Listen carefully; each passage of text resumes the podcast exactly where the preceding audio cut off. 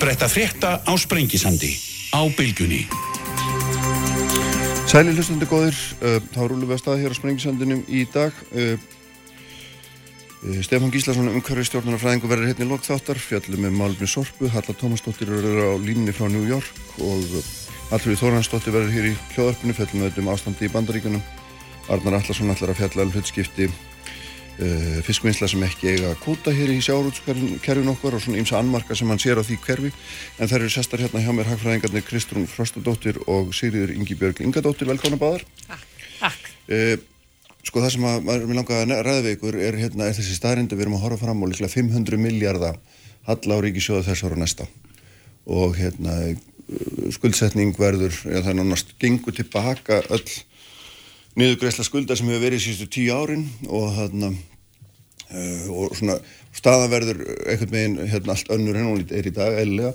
Og þá fer maður að velta fyrir sig hvað verður um þessa áform okkar um mikla uppbyggingu innviðum sem við vorum öll sammála um og höfum verið að setja mikið fíja í sem ekki er til lengur, við erum að tala um helbriðskerfi, við erum að tala um vegakerfi, við erum að tala um fjarskipti og svo áfram á telja mentakerfið þetta og við ætlum að spýta mikið í lóara núna hérna, á þessum árum og var búið að eirnamerkja peningi það, búið að setja peningi í flítuframkvæmdi til dæmis til þess í hérna, vegaframkvæmdum, hafnaframkvæmdum, ofanflóða sjóð og svo framvís og hvað verður núna?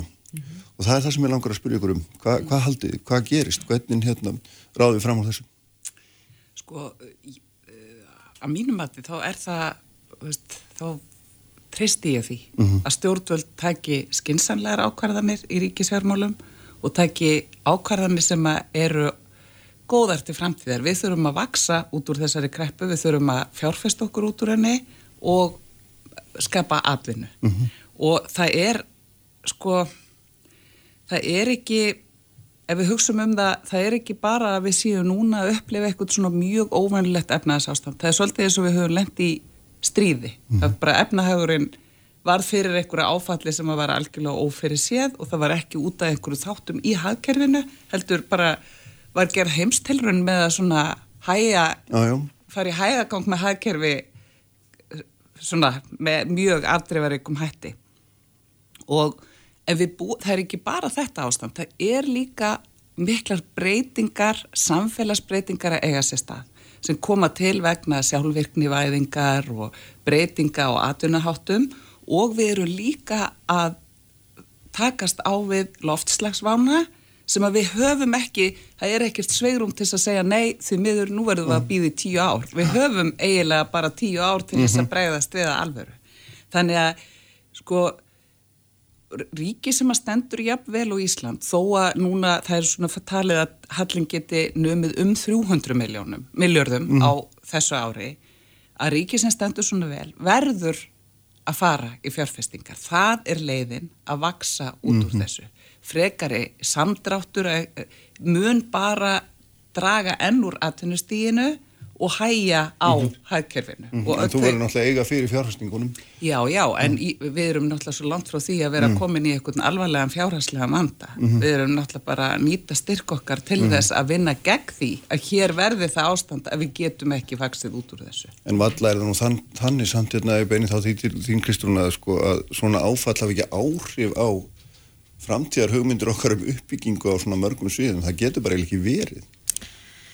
Sko það fyrir náttúrulega bara eftir sko kannski svona útgangspunktunum varðandi hvenar þú hefur efnað okkur og hvenar þú hefur ekki efnað. Ég held að hérna sko útgangspunkturinn núna maður sér í umræðin er fann strax að vera að þú veist hversu hratt getur við loka gatinu, mm. hversu hratt getur við minka skuldir og við þurfum svolítið að átt okkur á því þú veist hvað er að drífa áfram hallan og skuldamyndunina núna vegna þess að stæsti hlutin á hallanum á þessu ári og næsta ári er út af tekjutabi mm -hmm. og síðan út af atvinnuleysi og forsenda á bakvið það að minka halla er meðal annars að fá tekjunar að staða aftur og skuldir ríkisjóðs, þegar við tölum um skuldir ríkisjóðs bæði hér og í alþjóðlu samiki, þá erum við að tala um skuldir sem hlutvall af landsframlegslu og ástæðin fyrir það að skoða sem hlutvall af landsframlegslu er vegna þess að tekjuríkisjós er hlutvall af landsframlegslu.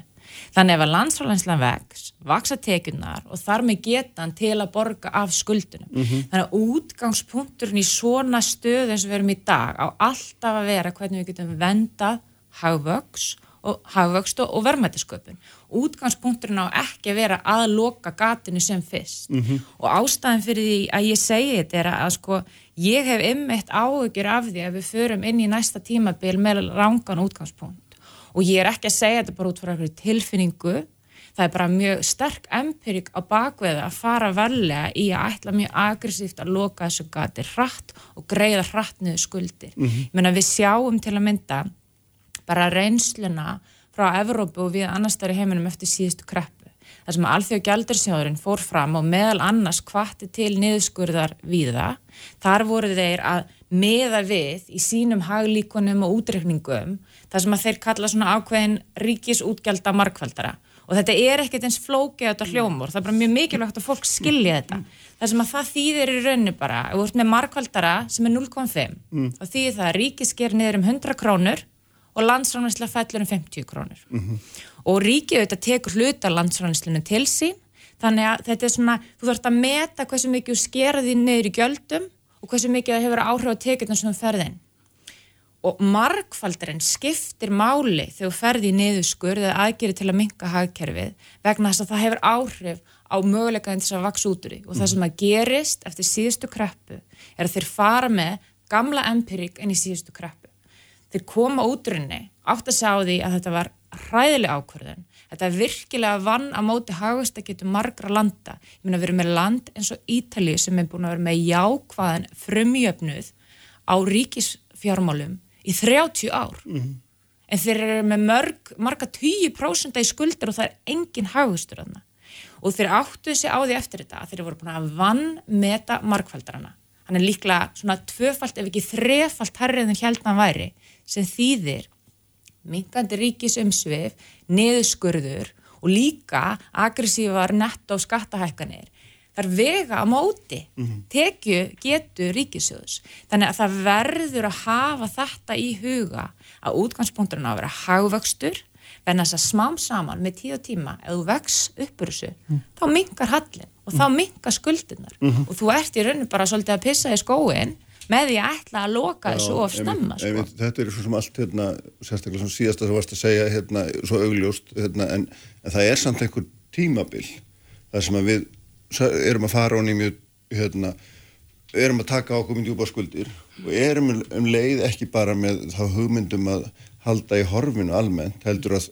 auka í á svo mörgum sviðum. Það er það sem ég er að velta fyrir mér.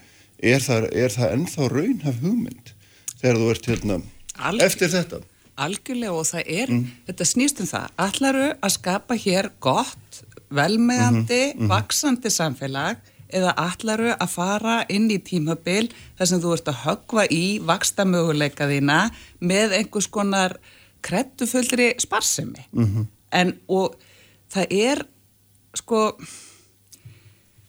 það, og mér erst mjög góð þessi tilvísum kristrúnar í ríkin sem að fóru í mjög mikið niðurskurð eftir hérna kreppuna mm -hmm. í kjölfar fjármála hrunsins því að það eru ríki sem eru í miklum vanda Þetta hefur farið mjög illa með ríkin og þetta hefur ekki gert neitt gott fyrir efnahag þessara ríkja og þetta sjáum við út um alla Evrópu og afleðingarnar eru ekki bara vaksandi miskipting sem er alvarlegt, mm. heldur hefur þetta gríðarlega pólitísk áhrif. Allur þessu pólitíski áhrif, á, hérna órói sem við erum bæði með í mörgum Evrópuríkum og ekki náttúrulega síður í bandaríkunum, er afleðing meðal annars af vondri efnahagstefnu. Mm -hmm. Það sem að letið var til kretta um einhverjar hugmyndur um hvernig þú stjórnaðir ríkisfjármálum í stað þess að nota afl ríkisvaldsins og hins ofinbera mm -hmm. til þess að fjárfesta í verðmættaskapandi fjárfestingum. Er, við skulum líka hafa í huga, bara ef við hugsaum um fjárfestinga sem að þarf að fara í, þær eru margar mm og óveðrin hérna í desember sínd okkur sko hvað við höfum vanrægt innviða fjárfestingu.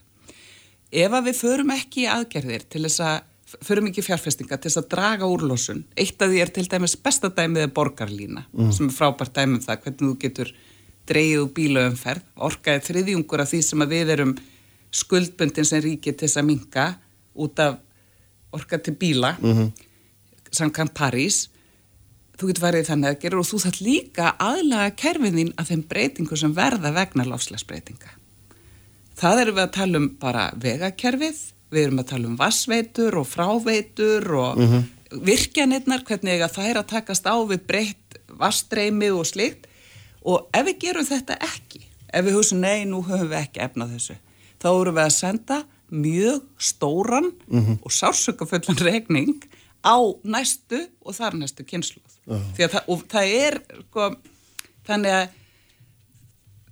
hérna spartnaður er vissulega góður mm. en spartnaður á ekki við þegar að þú ert að eiðilegja framtíða möguleika samfélagsins þess að mm. vaks og dafna eins í opum, þessum ofinberið þjónustu að ákkurat núna þegar þú ert að takast á við svona erfileika þá þartu öflugt helbriðiskerfi, þú þart öflugt mentakerfi og þú þart öfluga velferðarþjónustu til þess að auka velsælt, velíðan, helbriði og getu til þess að takast á við nýverkefni og og þetta er verðmætt að skapandi sjálfu sér. Það er bara tækifæri til að segja ok, nú höfum við fullt af fólki sem að vantar hér störf, við getum ráðið þau til þess að vinna hér af samfélagslega mikilvægum verkefnum og það mun auka framleiðun okkar til lengri tíma. Mm -hmm.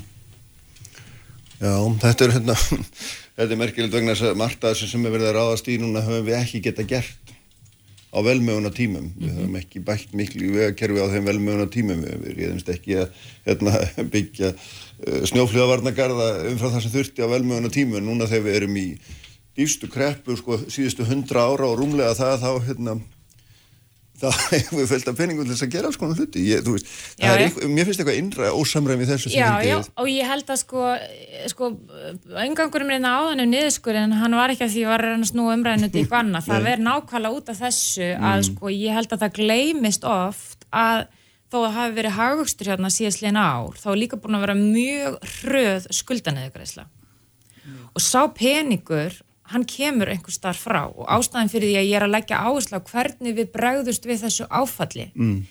er að sko erfiðu ákvarðanar um hvernig þú átt að finna pening til að loka gatinu, til að greiðinu skuldir mm. þær sko stæstu útgjaldapósturnar í kerfin okkar, ég meina 60-70% af útgjaldur ríkisjós er helbreyðskerfi, mm. er, er eitthvað stæmning fyrir að skera neði fyrir því í COVID-krísu? Um, velferðarkerfinu eða almantryggingum í, í þú veist 15% atvinnuleysi, metakerfi þegar við ætlum að senda stóran hlut af atvinnuleysum í háskólan í haust, skilji, mm -hmm. við þurfum bara að vera raunhæf hvað þessi póstar eru.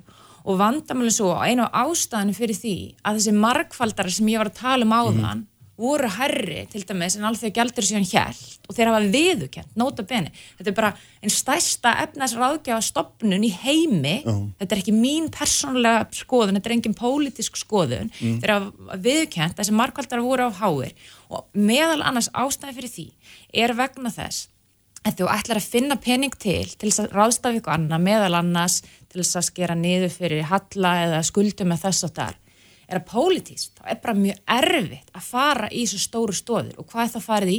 Það er farið í fjárfestinguna mm -hmm. og það er það sem ég hef ágjur að í dag uh -huh. við fórum í það síðast bara um leiðarhrjónu kom -huh. og í mörg, mörg ár fjárfesting hans ofinbæra í, í innviðum hún tók ekki við sér fyrir 2017 mm -hmm. skiljur, það var komin hagvöxtur 2013 mm -hmm. þannig að punkturum minn er þetta er samtengt hvernig við hugsum um þess að brínu nöðsin að loka gatinu, að borgarnu skuldir og svo hvað við gerum ymmit í innviðinu vegna þess að það er skuld sem við söpnum upp og meira en svo mm -hmm. og ég, meni, ég var ymmit að hugsa um þetta bara í vikunni hvort að við í vikunni, í síðustu viku það var frétt um hérna slemt ástand á húsna hjá veirifræði hérna stofnun landsbyttalans ja. í árumulanum, ja. það er að mikla húsið, mm -hmm. úr með grunnskóla við það, það verið að rýfa heilu byggingarnar sem að þurftu kannski bara smá viðhald fyrir 8 árun síðan. Mm. Hvers konar sparnaður er þetta? Það búið að vera ofbáslega fókus á bókaldslega tölu hjá ríkisjóði og vera að tala um þann mhm. kynnslóðu mun já, og kynnslóðu og alveg eins og Sigurður var að segja á þann mm. þetta er, við erum að fá þetta í baki núna nákvæmlega það sem úr þetta að segja. Við erum að fá öll þessi útgjöld sem við þurfum að fara í fjárfestinguna vegna sem við gerðum það ekki síðast. Mm -hmm. þannig að það verður, við þurfum að horfa á þetta samhliða. Og fyrir utan það að sko fjárfestinga ákvarðin hjá henni ofinbera þær á, eiga ekki að ráðast að sjóðstu er eiga að ráðast af arbærni þú ættir að vera með bara nefnd hjá ríkinu og sveitafélagin sem bara reikmar út er arbært að fara í þessa fjárfestingu núna. Og ef við eigum ekki pening í sjóðnum þá skuldsetjum við okkur fyrir því. Bara alveg eins og fyrirtæki sem sé gott hérna, tækifæri að taka yfir eitthvað annað fyrirtæki að stækka það skuldsetjum sér fyrir þeirri fjárfestingu. Og við erum með sögulega lágvexti, við erum með algjörlega uník stöðu, við erum í svo allt annar stöðu Kristján en við vorum fyrir tíu ára síðan þegar voru sko ríkið þá þurft að borga svona 8-9% vexti til þess að taka lán til 10 ára. Já. Í dag er það undir 3%. Þannig að trade-offið við það að skuldsetja sig fyrir arbarum fjárfestingum núna er allt, allt annað og sko ef við ætlum að líka fleita síðustu fjárfestingaskorti áfram í þessu Aha. út af því að við verum að drífa okkur síðan að loka einhverju gati bara Guð hjálpa okkur hvar við stöndum eftir tíu ár. Þetta er ekki svona þetta er ekki svona einfalt að þetta sé bara bókaldstölur hjá ríkinu, þetta lendir á okkur síðan meira og þetta kostar okkur margfalt meira síðar. Það er líka sko þessi eh, staða sem er uppi núna og þessi svona, þetta samfélags ástand sem Já. skapaðist, það hefur líka sko opnað augu fólks fyrir. Hvað er það sem skiptir í raun og veru máli fyrir samfélag? Hvað þarf að vera í lægi til þess að það fungeri? Þannig fengum við svona, það var bara alveg svift frá tjöldunum, það er oft talað um að hátíði stundum sko, heilbriðiskerfið er uh, er grunnstóð samfélagsins og þetta er svolítil frasi. Já. svo bara allt í einu fengum við þarna beint í að bara, já, það er það í raun og veru, það er ekki bara frasi. Án almennilegs fungurandi helbriðiskerfis ertu í mjög vondum málum og það er sko, það sama á við önnur samfélagskerfi sem að við rekum saman og öll samfélag hafa ákveðið að sé gott að hafa til staðar. Það er að þau eru gríðarlega mikilvæg. Og eins og Kristrún hefur verið að segja, ef þú mannrækir fjárfestingar til þess að halda þeim við, til þess að þróa þau og byggja ný, þá ertu að skada samfélagi til lengri tíma. Og þá ertu í mjög miklum vandræðum með þín ríkisútgjöld. Þá mynd þú vera með viðvarandi gat og skuldasöfnun en svo er náttúrulega og eins og ég bendi á, þetta hefur líka samfélagsleg pólitísk áhrif. Það verður gríðarlega mikil ólga og óhamingja. Fólk verður ósátt við sitt hlutskipti af því að það er ekki verið að sinna grunn þörfum þess með hérna almennlegum hætti.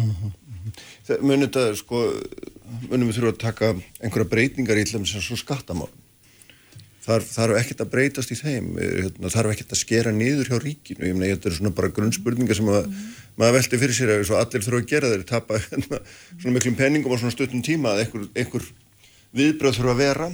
Ok, menn þið segir bara aðreila bara, nei, förum út og eðum bara meiru og borgu það setna. En þarf ekki að gera neina breytingar í ríkinu. Er, er, er það, að því við hefum ekkert rætt það, það er ekkert verið rætt en þá. Ég meina það er augljóslega, maður sér það bara í umræðin, í pólitískur umræði, fólk er tala um að sé að vera að fara að taka erfa pólitískar ákvæmur í haust og eitthvað. Og það er nákvæmlega ástæðan fyrir því að ég hef ágjur og mér finnst kannski ekki sangjönd að stilla þessu upp að maður sé bara tilbúin að eigða í hvað sem er og þetta skipta engum máli, þetta snýst ekki um það, þetta snýst um, þú veist, hvenær þú ert í hvaða aðstæðum. Og það að fara í kerfisbreytingar þú veist, til þess að, að hérna, minka kerfið eða auka skatta eða hvað svo sem er. Þau ert á svona mjög viðkvæmum stað. Og ég ætla bara að koma alltaf aftur að þessu. Það er mjög hár markvaldari núna á ríkisútgjöldum. Þannig að bæði samdráttur í ríkisútgjöldum hefur ofbærslega mikið neikvæð áhrif og líka það að ríki sé að beita sér meira sem það er að gera, ég er ekkert endilega að tala fyrir meiri útgjöldum en er í dag, en bara það er, það er ótama, automatist að gera núna. Það hefur gríðilega sterk áhrif. Og að mínu mati sem er byggt á sérfræði mati annar stað frá, þá er miklu skinsamlegra að við gefum þessu tíma að það gangi smám saman á hallan það gangi smám saman þarlendi á skuldirnar með hagvexti skilju, og við förum í kerfisbreytingar ef fólk ykkur, fara í ykkur pólitíska kerfisbreytingar þegar hagkerfi er ekki lengur svona viðkvæmt. Að því mér finnst fólk stundum ruggla því saman að sko viðbröðum við þessari kreppu, hún þarf ekkert að vera pólitísk, við erum bara með empiriska sannanir, margfaldarinn er empiriskur, mm skilji þetta er ekkert vinstri, hægri pólitík þetta er bara empirisk staða. Þetta er ekkert að gera með skoðunina á hvernig skattlagning á að vera hvernig á skattleggja, þetta er ekkert að gera með hversu stórt ríkið á að vera hverju sinni, þetta er bara akkurat núna þá ferð þú ekki í, í öflugur kerfisbreytingar sem að geta raska því jafnvægi að við höldum áfram að komast upp úr þessu. Síðan, segjum svo eftir 5, 6, 7 ár, við erum komið með verðmátasköpun, þjóðframleysnuna á svipaðan stað og við vorum upp af þessu. Þá er markvaldar miklu lægri, þá getur við fara að taka áhættur sem mögulega hafa slæma áhrif eða góða áhrif, hvað sem, sem þú veist. Þú veist, þú ert í allt annari stöðu til að taka þannig ákvarðanir mm -hmm. og mér finnst kannski besta samleggingin þetta við, þú veist, þetta eru svona bara eins og töfralöstin sem við verðum að tala um í dag. Að, veist, við fyrir bara nýsköpun og þróun. Skilju, gott og vel það er langtíma sjónum mig, það er ofbáslega mikilvægt, alveg eins og allar þessar umræður um kerfsbreytingar og fólk hafa skonar því það er alveg mikilvægt en sko nýsköpun og þróun er ekki að fara að ráða fólk í haust, það er ekki að fara að ráða fólk á næsta ári, skilju, mm -hmm. það þýðir ekki við að sleppa því að gera veist, alveg eins og við höfum ekki sleppa að fara í innvæðfjörðusting, það er ákveðin hluti sem átt alltaf að vera að gera undirliggjandi en þú átt ekki að vera að líta það sem lausn á aðstæðinu lausnin er að gefa þessu tíma mm -hmm. leiða okkur að vaks út úr þessu og svo tökum við þessar erfiðu ákvarðinu og pólitíkina síðar mm -hmm. þannig að það er falskt öryggi halda að við getum bara klift til á okkur um endum til þess að skapa svögrum sko. Það verður líka sko þegar þú ert að taka ákvarðanir í ríkisverðumálum þá þarf þetta að vita hvert þú ert að stefna og það er kannski áhyggjefn á Íslanda við höfum ekki almennilega ákveðið hvað, hvernig samfélag við viljum vera þegar við verðum stór. Það er svona yfirleitt rekur eitthvað á fjörur okkar, bankastarðsemi, röndar var pólitísk ákvarðan að enga vaða bankana, mm. síðan kemur ferðarþjónustan og tekur svona, er svona arsi afgerandi í okkar hærkerfi sem auðvitað reynist okkur mjög erfitt núna en þannig að við þurfum atvinnustefnu líka. Við þurfum að ákveða með hvaða hætti, hvert, í hvaða átt viljum við vaksa, hvernig viljum við hérna, hvar viljum við að verðmættasköpunum fari fram mm til lengri tíma í þessu samfélagi? Mm sem er sæmilega dreift, það sé svona sæmilega fjölbreytt. Og þú sért með mismunandi greinar sem að geta haldi vellis þó að einn þeirra lendi í vandræðum tímabund og þetta sárvantar okkur á Íslandi mm -hmm. og ég til að það sé mikilvægast að fyrir utan það að bjarga sko tryggja framfæslu fólks og helsu og bjarga hér fyrirtækjum sem að geta lifa til framtíðar þá þurfum við að marka okkur þessa stefnu mm -hmm. og einbytt okkur að því að mm -hmm. vaksa og hérna skapa atvinnutækifæri en hafa ekki einhverja krettu áhyggjur af halla á ríkisjóði á tímum sem þessum. Það mm. væri mjög óæðilegt ef það væri ekki hér skuldasöfnun á þessu tímabili. Mm -hmm. Því ég minna að ferðarþjónustan er um, hún er nærið því 10% af landsframlegslu og hún já, er bara, hún er í sko frosti núna. Já, já. En taland um aðdunustefnu mín að það var sem að vittnum í Gilva Sóega þá var það kannski, hérna, var það ekki klókt að byggja upp láluna aðdunugrein í háluna landi. Það er svona, hérna, að sem er allir nú að lasta það sem þar er gert en, en auðvitað er þetta spurningar sem hafa vaknað og munir svo að halda áfram að lifa en ég minna það er, það er húst líka að því að það er sjáum líka að það er í gangi kjærasamningar uh, svona heist og herr menn segja heyrðu slappiði nú af sko það er ekki til beiningar en eigum við það líka bara að hérna, hækka laun eða hvernig? Ég menna sko það er eitt að veist, að, það er eitt að hallin sé aukast út af tekifalli og út af eitthvað svona bráðnausunum útgjöldum mm -hmm. akkurat núna svo er annað auðvitað að fólk ætlar að gefa í einhverstar það sem að, þú veist, er, er möguleg ekki sveigurum, en máli er að það eru auðvitað einhver leiti bara mjög pólitísk spurning, veit ég hvað ég meina? Þú veist, þá, þá erum við komin út í eitthvað svona umræðum hvert er verðmættamat á heilbyrðstarfsfólki versus, þú veist, hagfræðingi bank og eitthvað svoleiðis, reyndar ekki að því að ríkin alltaf borga mér ekki laun, sko, en veit ég hvað ég meina, þetta mm. eru auðvitað hérna, auðvitað er hægt að fara ykkur tilfæslur þar á, skiljur, það er enginn sem segir að það sé ekki hægt að hækka þessu laun, þú veist, mm. en auðvitað er ekki, væri ekki bóðlegt og heldur ekki, þú veist, skinsamlegt út frá efnaðstefnu að fara að hækka, þú veist, nett og laun hjá öllum hjá ríkinu í dag, skiljur, verna mm. þess að munurinn á útgjöldum í formi fjárfestinga og rekstrarútgjálta er rekstrarútgjöldin þau renna bara í gegnum ríkisjóð, skiljur, á meðan að fjárfestingarútgjöldin þau skila sér í arbeidni síðar. Þannig að, að þarf við þetta aðskilja þetta tvett, en svo er það náttúrulega líka þannig að sko eina stærstu ástöðanum fyrir því að rekstrarútgjöld líka hækka er vegna þess að fólk er ósatt við aðstöðu sína líka í vinnunni. Mm -hmm. Ég meina, sko, hversu mikið getur þú veist, þarf að borga ykkur til þess að vera sáttu við það að vera í slæmi húsnæði skilji, til að mynda, þannig að þetta vinnur auðvitað einhverju leiti saman. Þannig að sko, þetta er ekki eitthvað ákall um að bara henda peningi í allt eða hækka laun hjá öllum, þetta snýst ekki um það, mm -hmm. fyrir mér snýst þetta meira um að, að ég er svolítið hrætt um að umræðin fara út í það að fólk haldi að sko þau fyrst sem við lokum gatinu og borgunni skuldir því hraðar vex hagkerfið skil, það er svolítið undirlegjandi í þessari áherslu núna mm -hmm. sé, og það er bara ekki rétt skilji, gati lokast og skuldina lækkar ef það er hagvöxtur þú getur, þú getur aktuált eðlagt hafugstinn með að gera þetta á hratt oh. þannig að við þurfum að taka stöðuna sem við erum í núna mm -hmm. sem er út af þessu tekjufalli sem var óviðraðanlegt, þetta var óhjákvæmlegt þessu útgjöld til aðdunarleisis þetta er óviðraðanlegt, það er enginn á Íslandi sem er ósáttu við að það sé verið að borga aðdunarleisisbætur og, og ég held að það sé ekki viljið fyrir að læka aðdunarleisisbætur í dag. Nei. þannig að þetta er útgjöld sem við bara setjum uppi með. Mm -hmm en svo er það önnur umræða hvort þú ferði í ykkur, ykkur auka launahækkanir sko, en þá ertu bara komin í mjög pólitísku umræðu sko. Mm -hmm. Ég hef bara hverki séð þá umræðu, það hefur verið rætt um sko nú, álag hérna, til starfsmanna í framlínu. Er ekki hjógrunafræðingar að fara í verkvall? Jú, en sko. jú, en þær eru kæra, við erum með mjög skýrt kjara mótel á Íslandi já, sem að byggjast á kjara samlingskerfi þær hafa verið kjara samlingslausar og lengur tíma en þær eru bara í hefbundinni hérna kjara samlingsvinnu og með ólíkindum. Að þetta, þessi, þessi deila sé komin út í þann skurð að hjókunarfræðingar sé að fara í verkvall að það hef ekki verið hægt að finna já. leið. Núna þegar að ríkisvaldið er í raun launa greiðandi til þrautavara því að það er þó sé kannski ekki akkurat núna verið að borga hagfræðingum í böngum laun frá ríkinu, þá eru mjög margir aðilar sem að eru að fá greitt laun annarkort mm. í hlutabóta leiðinni eða laun í uppsagnafresti og svo eru ríkisábyrðir á stuðning til fyrirtækja þannig að ríkisfaldið er sko sannarlega að greiða laun á almennumarkaði ja. og ja.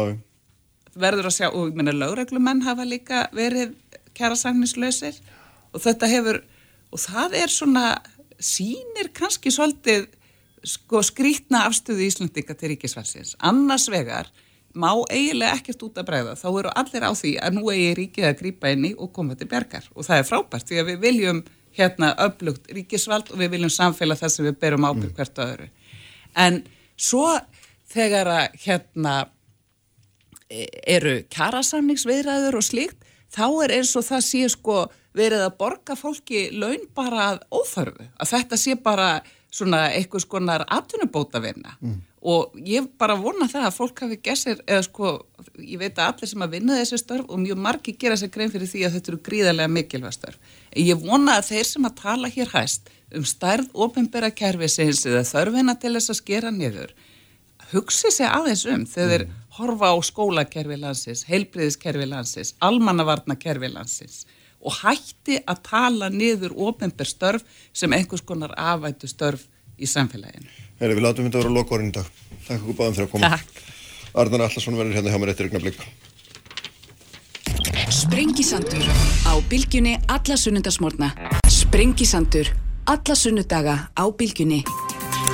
Sælir aftur hlustandur, þar eru farnað frá mér Sigriður Ingibjörg Ingadóttir og Kristrún Frostadóttir.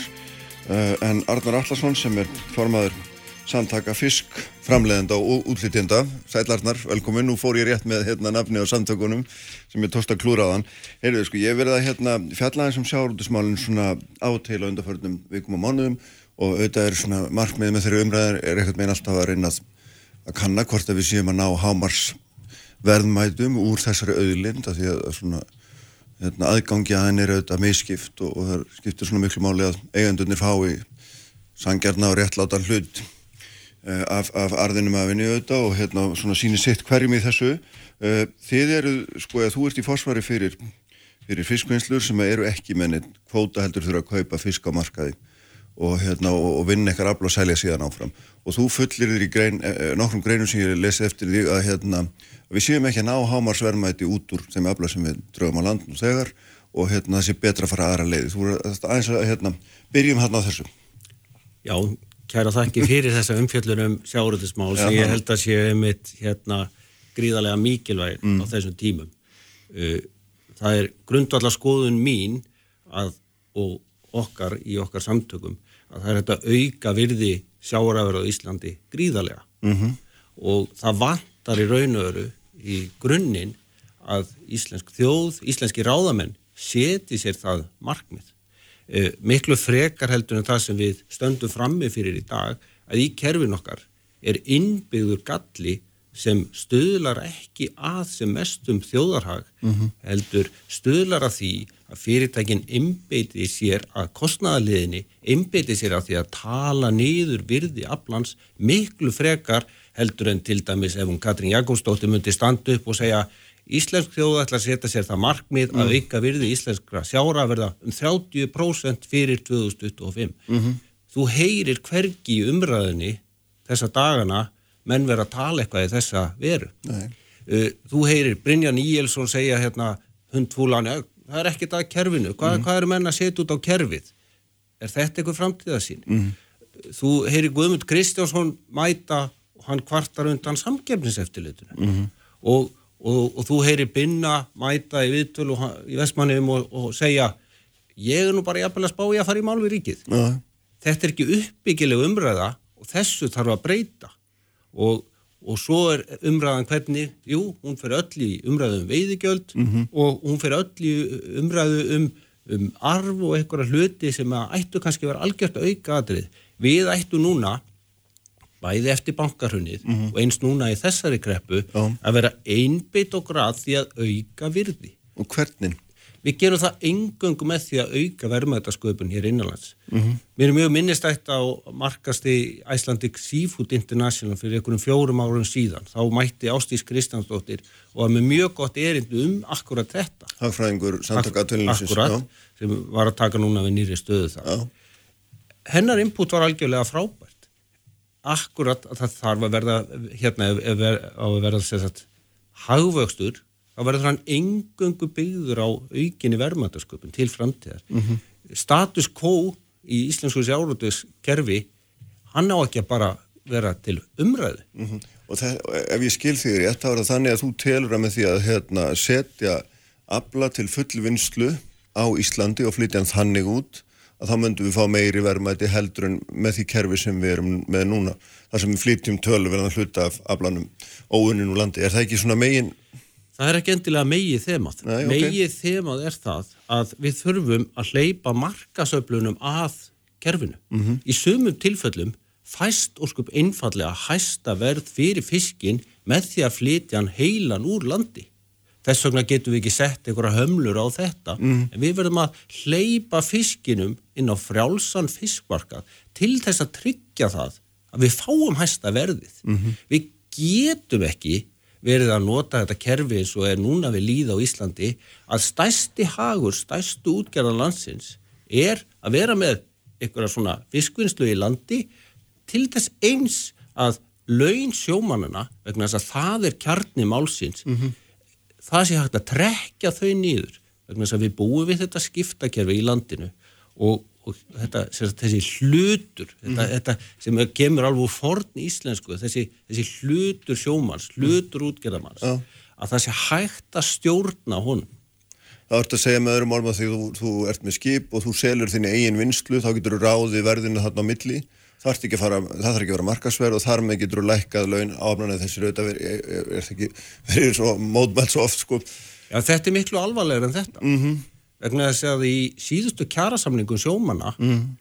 þá, þá er það sem eftir stendur að útgerðin hún getur fengið 25% eða hún, hún bara fær 25% afslátt mm -hmm. af launum sjómanna af aflagjöldum útsverð og tekisagt gatti og þar framöndu gödunum og það hefur verið sínt fram á að þessi afsláttu getur verið alltaf 50%. Þetta er svo stórkostlega tölur og þetta er svo stórkostlega galla á kerfinu mm. að það verður einhvern veginn að fara að ráðast á þetta og það þýðir ekki og það mun ekkert breytast ef við verðum áfram með mannis og Brynja Níelsson sem segir hvað er það að setja út á kerfið? Mm -hmm. En ég minna, kerfið er sko, þegar við tölum um kerfið þá erum við að tala um sjálft fiskveið stjórnunar kerfið, það er að segja hvernig við hérna hvernig við sækjum fiskin út á miðin og hvernig við útleitum afla heimildunum og hvort að það hafi voruð okkur til góðu segki svo er annað kannski til hlýðar við þetta sem eru launamálun og þess að það er ekki freka það sem hann á við? Já, það er allt of, allt of algengt í umræðinu um sjárutusmál á Íslandi að menn stilli sér upp með kerfinu eða á móti kerfinu. Og þeir sem eru með kerfinu þú, veist, þú finnur afskaplega fáa sem eru þarna eitthvað mitt á milli. Þeir sem eru með kerfinu segja bara nánast að það er allt fullkomið. Mín skoðan er svo að það er ekki allt fullkomið en við byggjum á gríðarlega sterkum grunni. -hmm. og það er svo margt sem hægt er að bæta. Þess vegna þóri ég alveg að bjóða mig fram í þetta verkefni að auka virði sjáarafverðum 30% Já, en- sem er það sem íslensk þjóð þarf. Já, en segðu mér að sko, hérna, hvernig myndi verðmæti aflans aukast um 30% ef að, ef að eitthvað útgerðarfyrirtæki sem áður seldi sjálfur sér fær að selja þér, hérna, fær að nota því sem millilið fyrir útlutningin? Já, við þekkjum það og, og þessi markasvæðing hún er það sem keirir áfram verðmætasköpun. En þegar þú breytir innviðum kerfisins á þann máta að það er ekki lengur markasöflin sem toga upp virðið heldur það að inn í kerfið er komin svona ábyggður galli að, að, að hvati og fresnivandi fyrirtækjana er orðin það að tala nýður virðið og, og sagt að eins, og við höfum verið að tala um líka að það getur orðið meiri hagur af því að flytja fiskinn óunnin, flytja sem sagt verðmætasköpununa, flytja störfin og svo framötu gödunum til vinslu ellendis. Í dag er þetta 50.000 tonn sem fara svona að sagt íslensk útgerðarfyrirtæki sjá sér ekki hag af því að, að vinna fiskinn á Íslandi, að búa til verðmæti, að búa til störf. Um hvers vegna er það? Er það ekki að þið fá meira fyrir fiskin með Jú, því að flytja hann út jú, en- hérna, en- með þessum hætti? En, en það sem við höfum ítreka bent á er að, er að hérna, við viljum að þessi afli sé þá fyrst bóðin upp á Íslandi. Að það sé tryggt, að þarna sé ekkert sem sagt, þessi ágalli að, stjórna því að þjóði verði að tekjum, að hagur hennar mm lámarkist. Já. Við viljum að þetta sé bóði til sölu á Íslandi. Já, Ég, sko- ég, get, ég get bara nefnt lítið Já, dæmi samkvæmt áræðanlegum heimildum flytur samherji 10.000 tonn af afla, af hráefni beint úr landi til vinslu í Þískalandi. Ef við gefum okkur það að þessi 10.000 tonn 10 miljón kíló hefðu orðið 100 krónum verðmætari með því að vera unnin á Íslandi. Þess að þau hefðu skila þessum 100 krónu til viðbútar inn í samfélagið.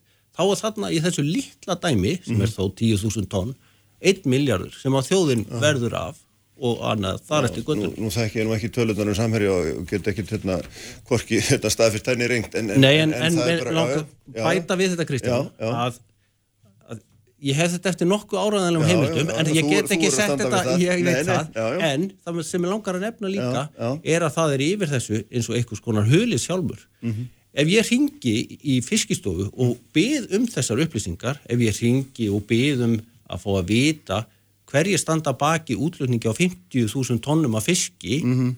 50 miljón kílóum þá eru þær e- upplýsingar ekki gefnar uppi. Mhm, og manni finnst að þetta ætti að vera mál þjóðarinnar, manni finnst vanta einhvers konar stjórnun á því hvernig á að fá sem mest virði úr auðlindinni. Já, en nú er þetta hérna, útflutningsvara og það sem skiptir á endanum máli er þetta verði sem að við fáum fyrir afurðina þegar einn endanlegi kaupandi tekur hana, en ekki kannski endilega verði sem að hérna, verður til í okkar eigin innbyrðis viðskiptum er það ekki, Menna, er það ekki það og það er það sem ég, ég veit ekki bara, ég bara næði ekki alveg hvernig, hvernig þjóðina á að fá meira út úr því að hérna, einhver selji þér fisk sem þú vinnur og þú síðan flyttur hann út heldur en að hann selji sjálfum sér og flyttir hann út. Ég menna, fáum við einhverjum skilningi eitthvað meira út úr því?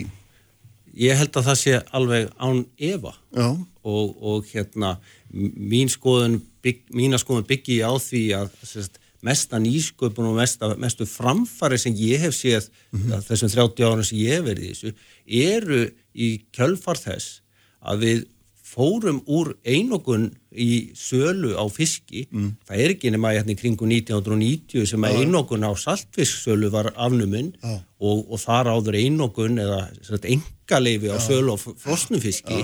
Tvíokun náttúrulega já, tíma. já, já, já, hvað við viljum kalla það. Og, og svo ekki gleyma hinnu og, og, og það er svona skemmtileg tilviljun eða hvað maður vil orða það. Á svipuðum tíma og kvótakerfið er sett á, svipnum tíma að framsalið kemur á, eru settaðir á laggirnar fiskmarkaðir í landinu. Fiskmarkaðinir held ég að hafi mitt búið til þetta auk, aukna virði, ég nefndi hérna 30% bara sem Já, tölu, aha. ég held að það hefði akkurat verið það sem gerðist þannig með fiskmarkaðina. Og, og hérna, og ég er alveg sammála því að það á að vera fyrirtæki sem ákveður þar á drivkrafturinn að koma. Drivkrafturinn á ekki að koma úr einhverju ofinberi stjórnsýslu, ég er bara að vísa til markaslögmálana en við erum búin með þessu kerfi okkar eh, með þessu sagt, þessu eh, hvað maður að segja, þessari nýðugreislu á launum sjómana erum við búin að kippa markasráðunum úr sambandi. Og það er það sem veldur því að við erum ekki lengur að starfa á frjálsum markaði og þess vegna virka ekki lögmálin. Þess vegna er þjóðin að verða af svo mikil arsemi og þess vegna leifi ég mér að fullir að við getum ekki þetta. En til þess þar vilja. Já, eitt af því sem að hérna, menn nefna oft og, og, þarna, og, og svona allavega sem leikmanni finnst manni vera trösturög er þau að svona stór fyrirtæki sem að raða yfir stórum skipaflota og hérna, mikil þekkingu og, og öllu þessu þau geta, hérna, þau geta um, þau geta hérna, fætt erlenda markaði mjög reglulega, þau geta hérna, þau eru með örugt vöruframbóð, þau geta alltaf uppfyllt óskir kaupandans sem þau eru búin að semja um fyrirfram.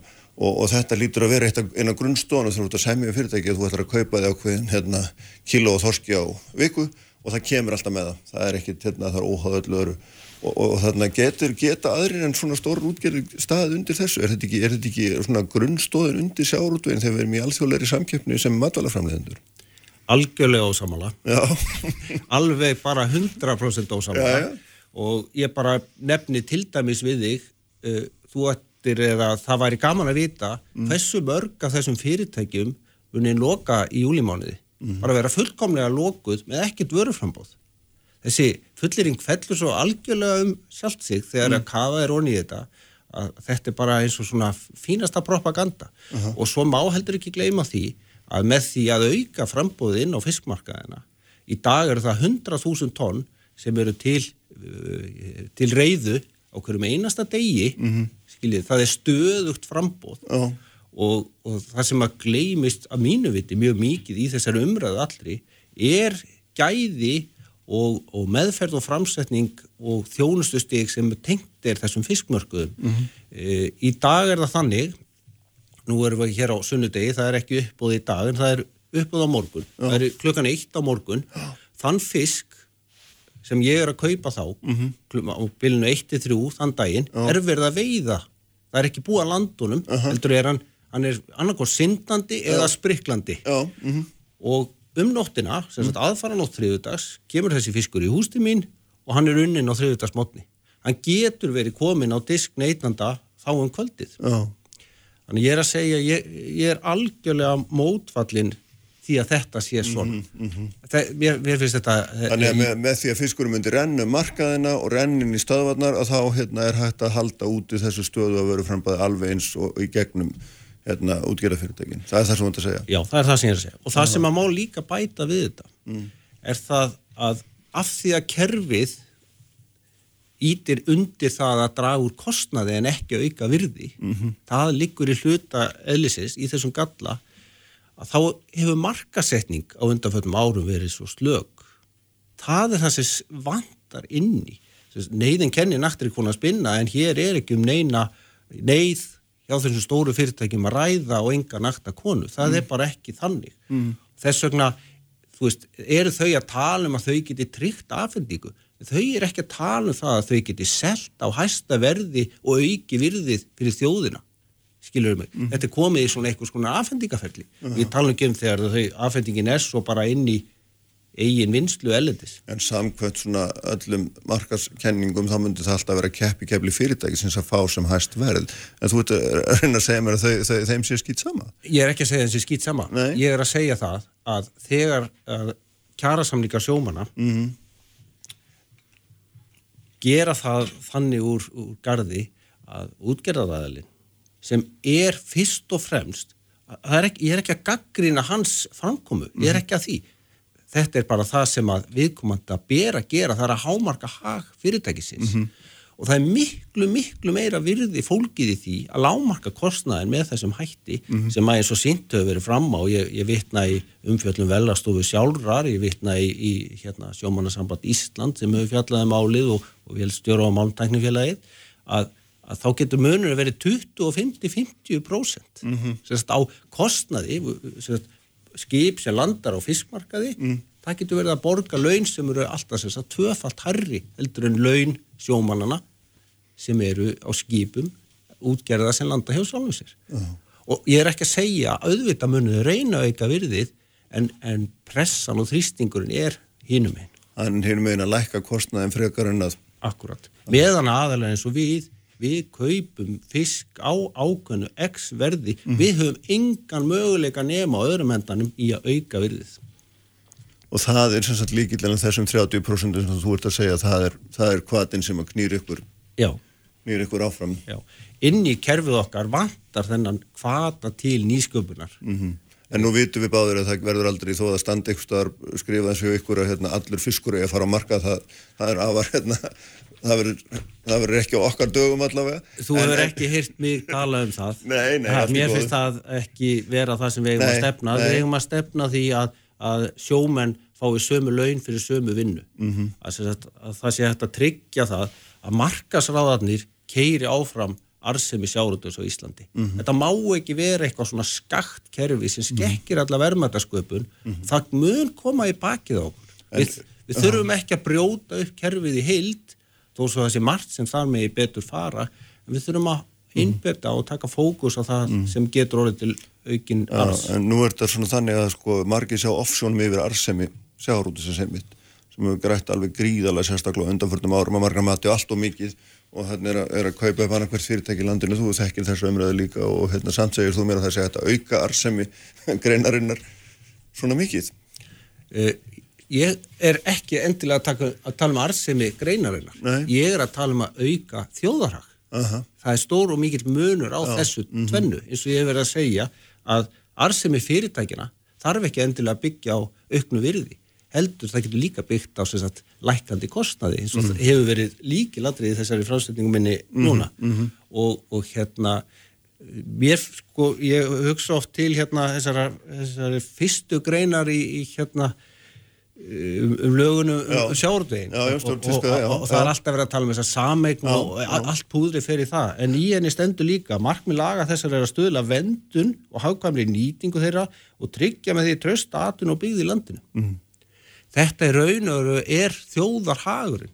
Það er sem þetta viðhalda stofnunum og, og halda atvinnu í landinu og þar fram til göttunum Mhm. ég sé ekki alveg að okkur hafi tekist þetta fullkomlega. En, en sko og, og mér finnst oft fókusin fara aðeins út fyrir efnið. Því miður þá, þá, þá bara skort finnst mér skort að það sem mótu bara eitthvað skona sín og það byrjar eins og ég nefndi hér í upphafi á hæstu stigum stjórnkerfisins. Mm við, við getum ekki endarast verið í þessari, skotgrafa umræðu um hérna þjóðareign sem að sumir segja sé bara eitthvað hugtak sem gangi ekki upp já, já, skiljið, e eða engaeign ég held að umræðan ætti að vera annarkort ríkiseign eða engaeign, þannig að línundan séu skýrar, við erum kvorugt í dag. Þannig að ég, ég tala fyrir því að línur séu skýrðar og, og þa þannig verði sótt fram á við. Ég, ég bara hef miklu, miklu meiri trú á íslensku sjáuröndvegi en svo að þetta verði nokkurt mál. Þetta er frábær loku við látum þetta hérna. Gott heita Arnar, takk hérlega fyrir að koma. Takk fyrir. Og þarna við ætlum reyndir að fara næst til bandaríkjana, Halla Tómasdóttir verður á línu frá New York og Hallfríður Þóranesdóttir ætlar að setjast þetta hjá mér. Uppspretta frétta á Sprengisandi á Bylgjunni. Kraftmikil umræða, alla sunnudasmórna. Sprengisandur á bylgjunni.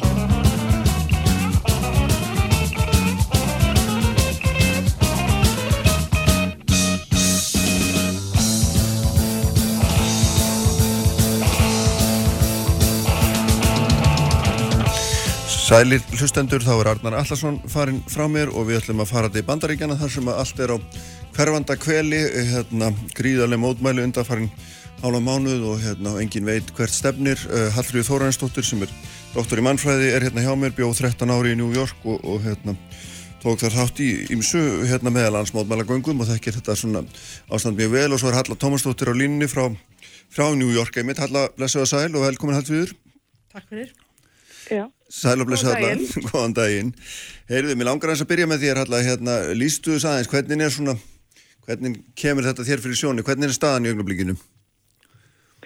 Staðan er orðin miklu betri en, en fyrir viku síðan að, að hérna, og ég, og ég vil bara byrja á að segja það í gær held ég að mótmælinn hafi verið að mestu friðsæl, þau voru mjög fjölmenn og fjölskyldur eru farnar að taka þátt og ég held að, að svona, hvað ég segja, staðan sem að leit uh, mjög illa út fyrir viku síðan því að það var bara, já, svona ófremdar ástand að, að núna séu þessi svona mótmæli orðin þess eðlis að þau séu að fara að keira á alvöru breytingar sem ég held að séu löngu tímabærar og sem það myndi segja alltaf Alltaf gömul mál eru loksins að koma núna uh, í, uh, til uppgjörs hér í bandaríkjunum og, og það er gott.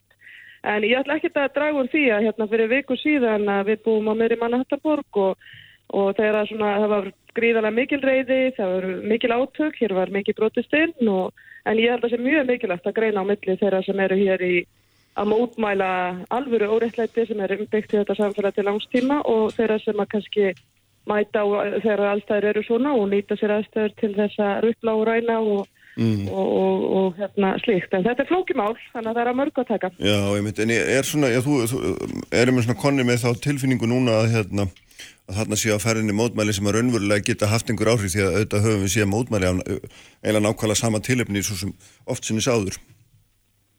Við höfum gert það, sannlega, já. Ég held að það sé að reyna að verða sko vatnaskil í þessum málum og hérna mjög velkomin vatnaskil og ég get svo sem farið yfir það nánar en, en, en það er alveg ljóst að, að það sem hefur breyst frá því á mánudaginn þegar að mann er leist ekki á blíkun og þá er ég ekki bara að tala um vegna þess að mótmælinn voru harkalega eða mikil reyði brust út eða mikil ofbeldi og lauruglan held áfram að stíga fram með mikil ofbeldi og mikil átök og spenna að þá var kannski það sem allir mér mestum áhyggjum uh, í upphafi vikunar var framganga fórsetans Mm. uh, og það sem að kannski veldur mér svona einhverju bjassinni núna er að það er, sko bæði fólk frá hernum hefur stíið fram mjög hart og sagt þetta er ekki, við sendum ekki herin á eigin borgara fólk hefur stíið fram úr kirkjunni uh, sem hefur verið svona kannski hans sterkir stöðningshópur og sagt það eru hinga og ekki lengra, við komum ekki svona fram við fólk, við þurfum að elska alla og, og þetta, þessi framganga þín er ekki í lagi og þú notar ekki kirkjuna eða biblíuna til þess að reyna að styrkja kostninga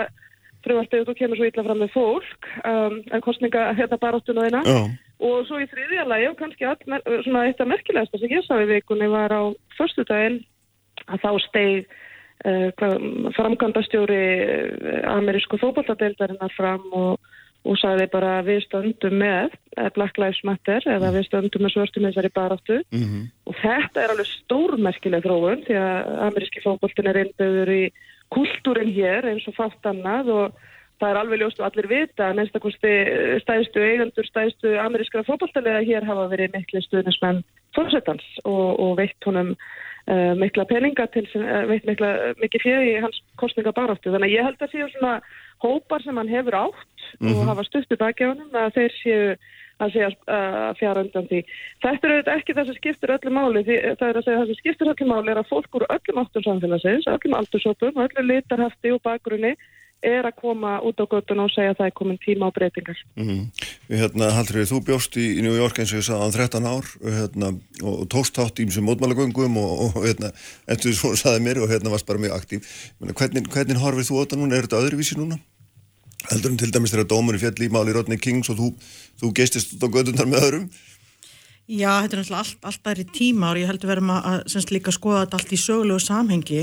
Það sem ætla að gerast núna er það að þetta kemur beint í kjölfarið á COVID sem að hittir svarta og, og hérna fólk sem er í, í lagari efnahagstöðu heldur en sem hvita millesti þetta hittir, hittir að miklu hard, harðar og, og hérna og það skertust alla línur varðandi sko þennan innibiða struktúral rasisma sem að gegnum sýrir allt bandarist samfélag. Og ég, ég binda sjálfsögðu vonir við hérna að það verði grundvallar breytingar gerðar á bandarísku samfélagi og, og að þessi rasismi verði upprættur mm.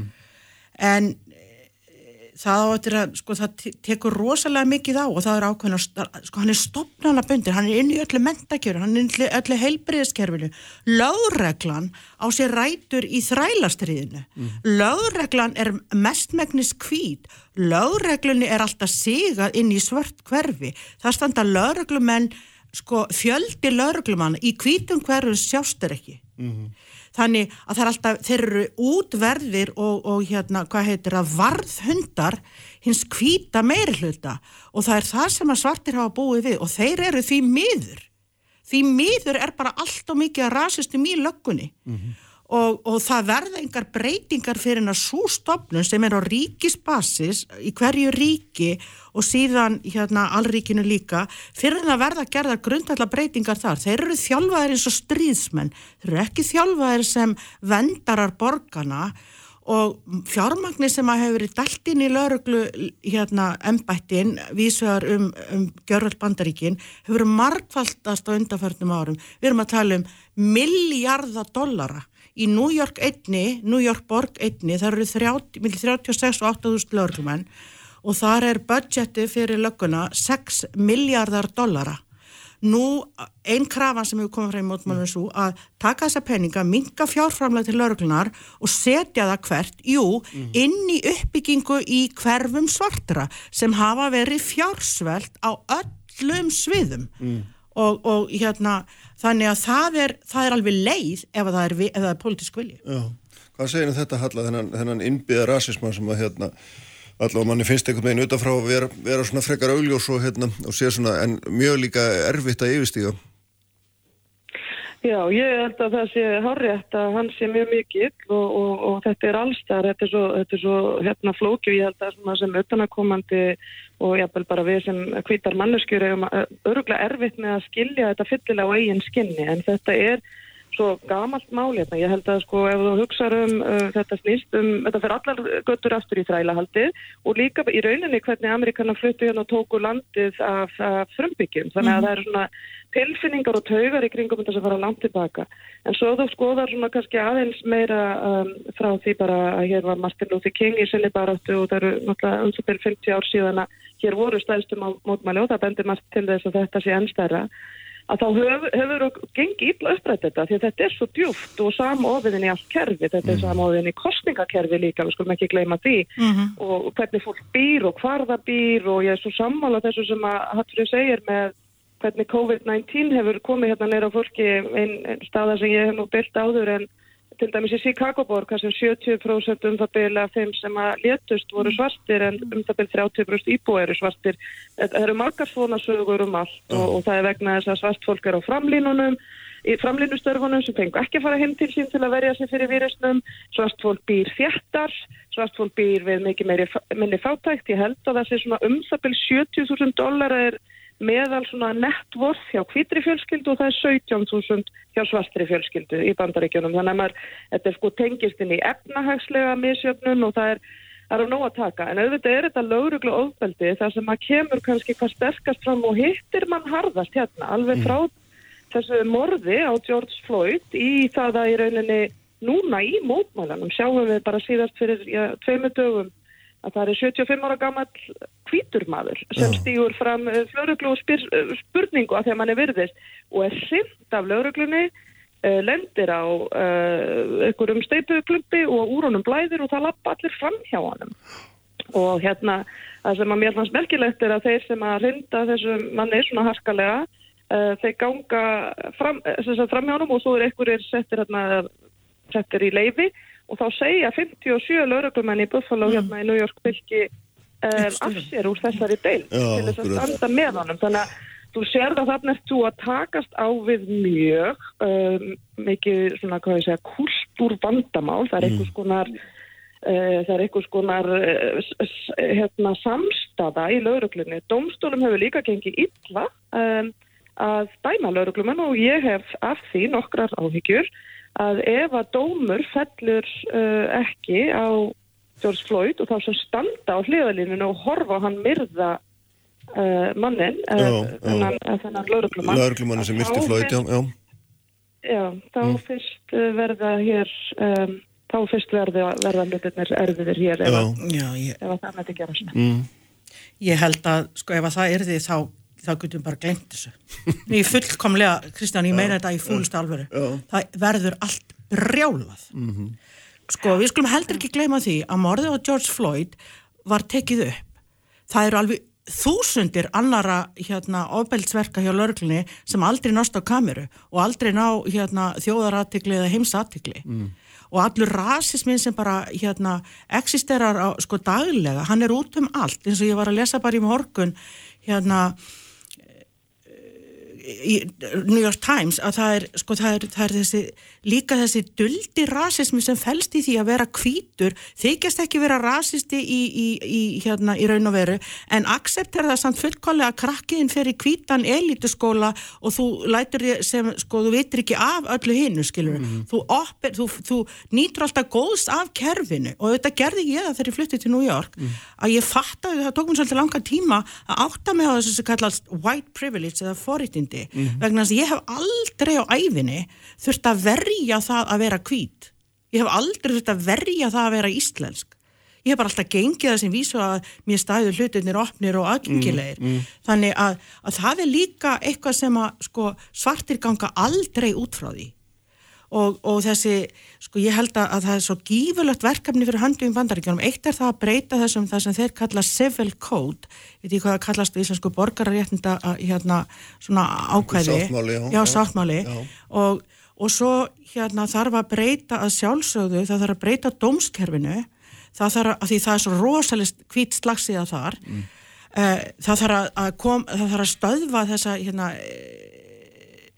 þennan yðnað sem fælst í því að fangelsa svarta kallmenn eh, það þarf að breyta öllu mentakerfinu og það, þarf semst, og það þarf að breyta lögreglun, það þarf að endur menta svo marga þannig að þetta er alveg svakalt Já, verkefni þú þeir ert eiga nú höndum. bara að tala um hérna grundvallar breytingu Ég er bara að tala, nei það þýðir ekkit annað Kristján Já, vegna þess já, að þetta er öðruvísi upprætir þetta aldrei. Ef að það þýðir ekkit að vera minn en að plástus aðgerð vegna þess að það er döga svo skam og það þýðir það bara eins og núna ef þú ætlar að setja ykkur að plástus aðgerð og það sem er að gera núna, gerast núna þá bara blossar þetta upp á einhverju mánuði liðnum og við erum með kostninga fyrir höndum, þú veist stuðning, Trump er á nálu vegna þess að stuðningurinn hans hérna, það reyðlast og það, það hérna rjáttlast svo rosalega úr hans hérna stuðningi og eins og Halla var að tala um það er það mjög góða fréttir að herfóringja stýji fram og lýsi mm. andosinni á, á hérna þannig að, að það eru alveg svakalega mikli svona hvað heitir þetta, þetta er bara sprengi, við erum á sprengisvæði sko. Já, alltaf það er svona, ég veit ekki kannski hérna, sko, Trump er alltaf unnið að því lengt og ljóst eiginlega frá því hann hóf sinni kostningaborta, hans strategi er náttúrulega bara að kljúfa þjóðina í herða niður og, og halda öðrum hlutanum og, og það dugjunum og hérna mann sýnist að vinna bara mjög tröst hérna áfram í þeim anda. Já, það hefur hann alltaf gert og þjóðin eru auðvitað klófin í herða niður og hérna uh, kannski stundum ágætt að velta fyrir sér sko er þetta allt saman, allt sem er að gerast þetta Trump að kenna eða er hann aðlefingu af brottu kerfi og ég er hérna, ekki að ég myndi nokkuð tíman verja hann en það þarf auðvitað að vera eitthvað mikið að í landi sem að, að, að velur sér uh, ver, svona veruleika sjónastjörnu með svona litla getu til þess að að finna hlutverkinu, hann hefur til dæmis ekki nokkra getu til að setja sig í spór annara hann uh, verðist vera bara ókleift að samena þjóðina að nokkru leiti og það verðist þannig að það er eitthvað að í samfélagi sem það er og það ég held að þurfa að fara í grundallar uppbyggingu hérna í þessu samfélagi og endurhugsa mjög margt bæði til þess að uppræta rasismann en líka kannski bara þennan innbyða ójöfnuð almennt. Eh, aðgengi að heilbriðstjónustu, aðgengi að mentun, allt þetta er, eh, er eitthvað sem að þessi þjóðhörn þarf að finna út úr. Þetta er svona, það er margt að springa og mér ást áhugavert við fórum hjónin með uh, hundin í göngu á þriðutaskvöld og ákvaðum að slást í för með mótmælundum og gengum hérna niður brottvei með þeim. Mér ást áhugavert að sjá hversu fjölbyttur hópurinn var og mér fannst uh, áhugavert að sjá að margir gengum með spjöld sem að hafðu líka með aðra hluti að gera, aðra anna- annað sem fólk er að segja sé bara, það er einhvern veginn eins og sé bara búið að fá nóg. Það var eitthvað sem kallaði þetta svona fed up revolution eða við erum búin að fá nóg. Já, og hérna ég held að það sé svolítið til í því að það sé margt að gerjast hérna og sem að uh, og í kjölfari mitt þess að fólk hefur verið heima í marga mánuði núna í mörgum tilfellum uh, þeir sem það hafa getað og það er enda mikil mismunni því hverjir hafa getað gert það og var þessi vírusnum. Það er tröst lengi búið að vera brotið hér á öllum stofnunum samfélagsins. Uh, ameríski draumurinn er lönguhorfinn. Um, það eru hérna svona áhyggjur af því þegar svona stór heimsfarandu gengur yfir hvort að þú hefur aðgengi að helbriðstjónustu, hvort þú færð próf þegar þú þarfst á því að halda það ekki. Þannig að um, hvort að börnuðinn einmitt ganga í skóla þar sem að er hægt að, hvort þau fá mentun þegar að skólanir senda alla heim, uh, hvort að þau komist í háskóla þegar að aðgengi að um, háskóla er eins og það er og kannski er erfitt og, og byrðislít út fyrir að vera að skólar byrja sitt starfi í haust og svo frammeðist. Þannig að það er mjög margt að hérna. En mér langar að þess að koma inn á því ég held að það sé svo mikilvægt að fólk átti sig á og ég hef sjálf verið að reyna að æfa mig í því að sem að Hallfríður sagði að við vitum í raunin ekki, við sem erum hvít við höf, og, og við sem erum íslætingar, við höfum ekki upplifað það sem að svört móðir upplifir þegar hún sendir úrlingssonsinn eða ungansonsinn út og byður hann um að vera ekki með hettun á höstum Mhm. eða byður hann um að passa sig að vera ekki með hendur í vasa. Eða byður hann um að segja aldrei nokkur skapaðan hlut tilbaka ef að lauruglan stoppar hann til þá geta hann verið drepin.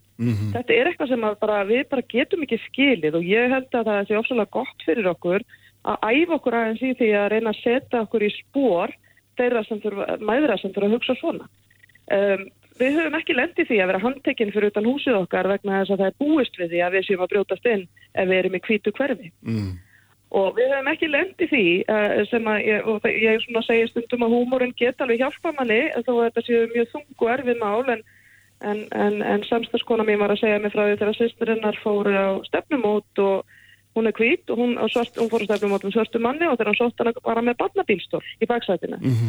Og hún sagðist ekki að vita að hann væri fadir og hann horfði á hann og sagði nei, nei, nei, nei, ég er ekki fadir ég er bara með barnabílstól því að þegar ég hefur stoppaður út á götu er lögreglun líklega til að fara með mýgri höndum ef hann heldur að ég sé fadir ef hún heldur að ég sé fadir þannig að sko þetta er bara, þetta er bara hugmynda heimurinn sem þú þarfst að vera í þegar þú byrðir í samfélagi þar sem þú átt alltaf vona að geti verið að barnið lendi í óðbeldið að jafnvel verði mist af lögreglunni þar sem að þú heldur að þú geti verið handtekinn ef þú ert á raungum stað af því að það er ekki búist við að þú séstar eða þar sem þú þarfst að búa til einhvers konar leikrið til þess að reyna að vera aðeins örugar í augum lögreglu sem að stoppar við hugsanlega fyrir ekkert tilefni?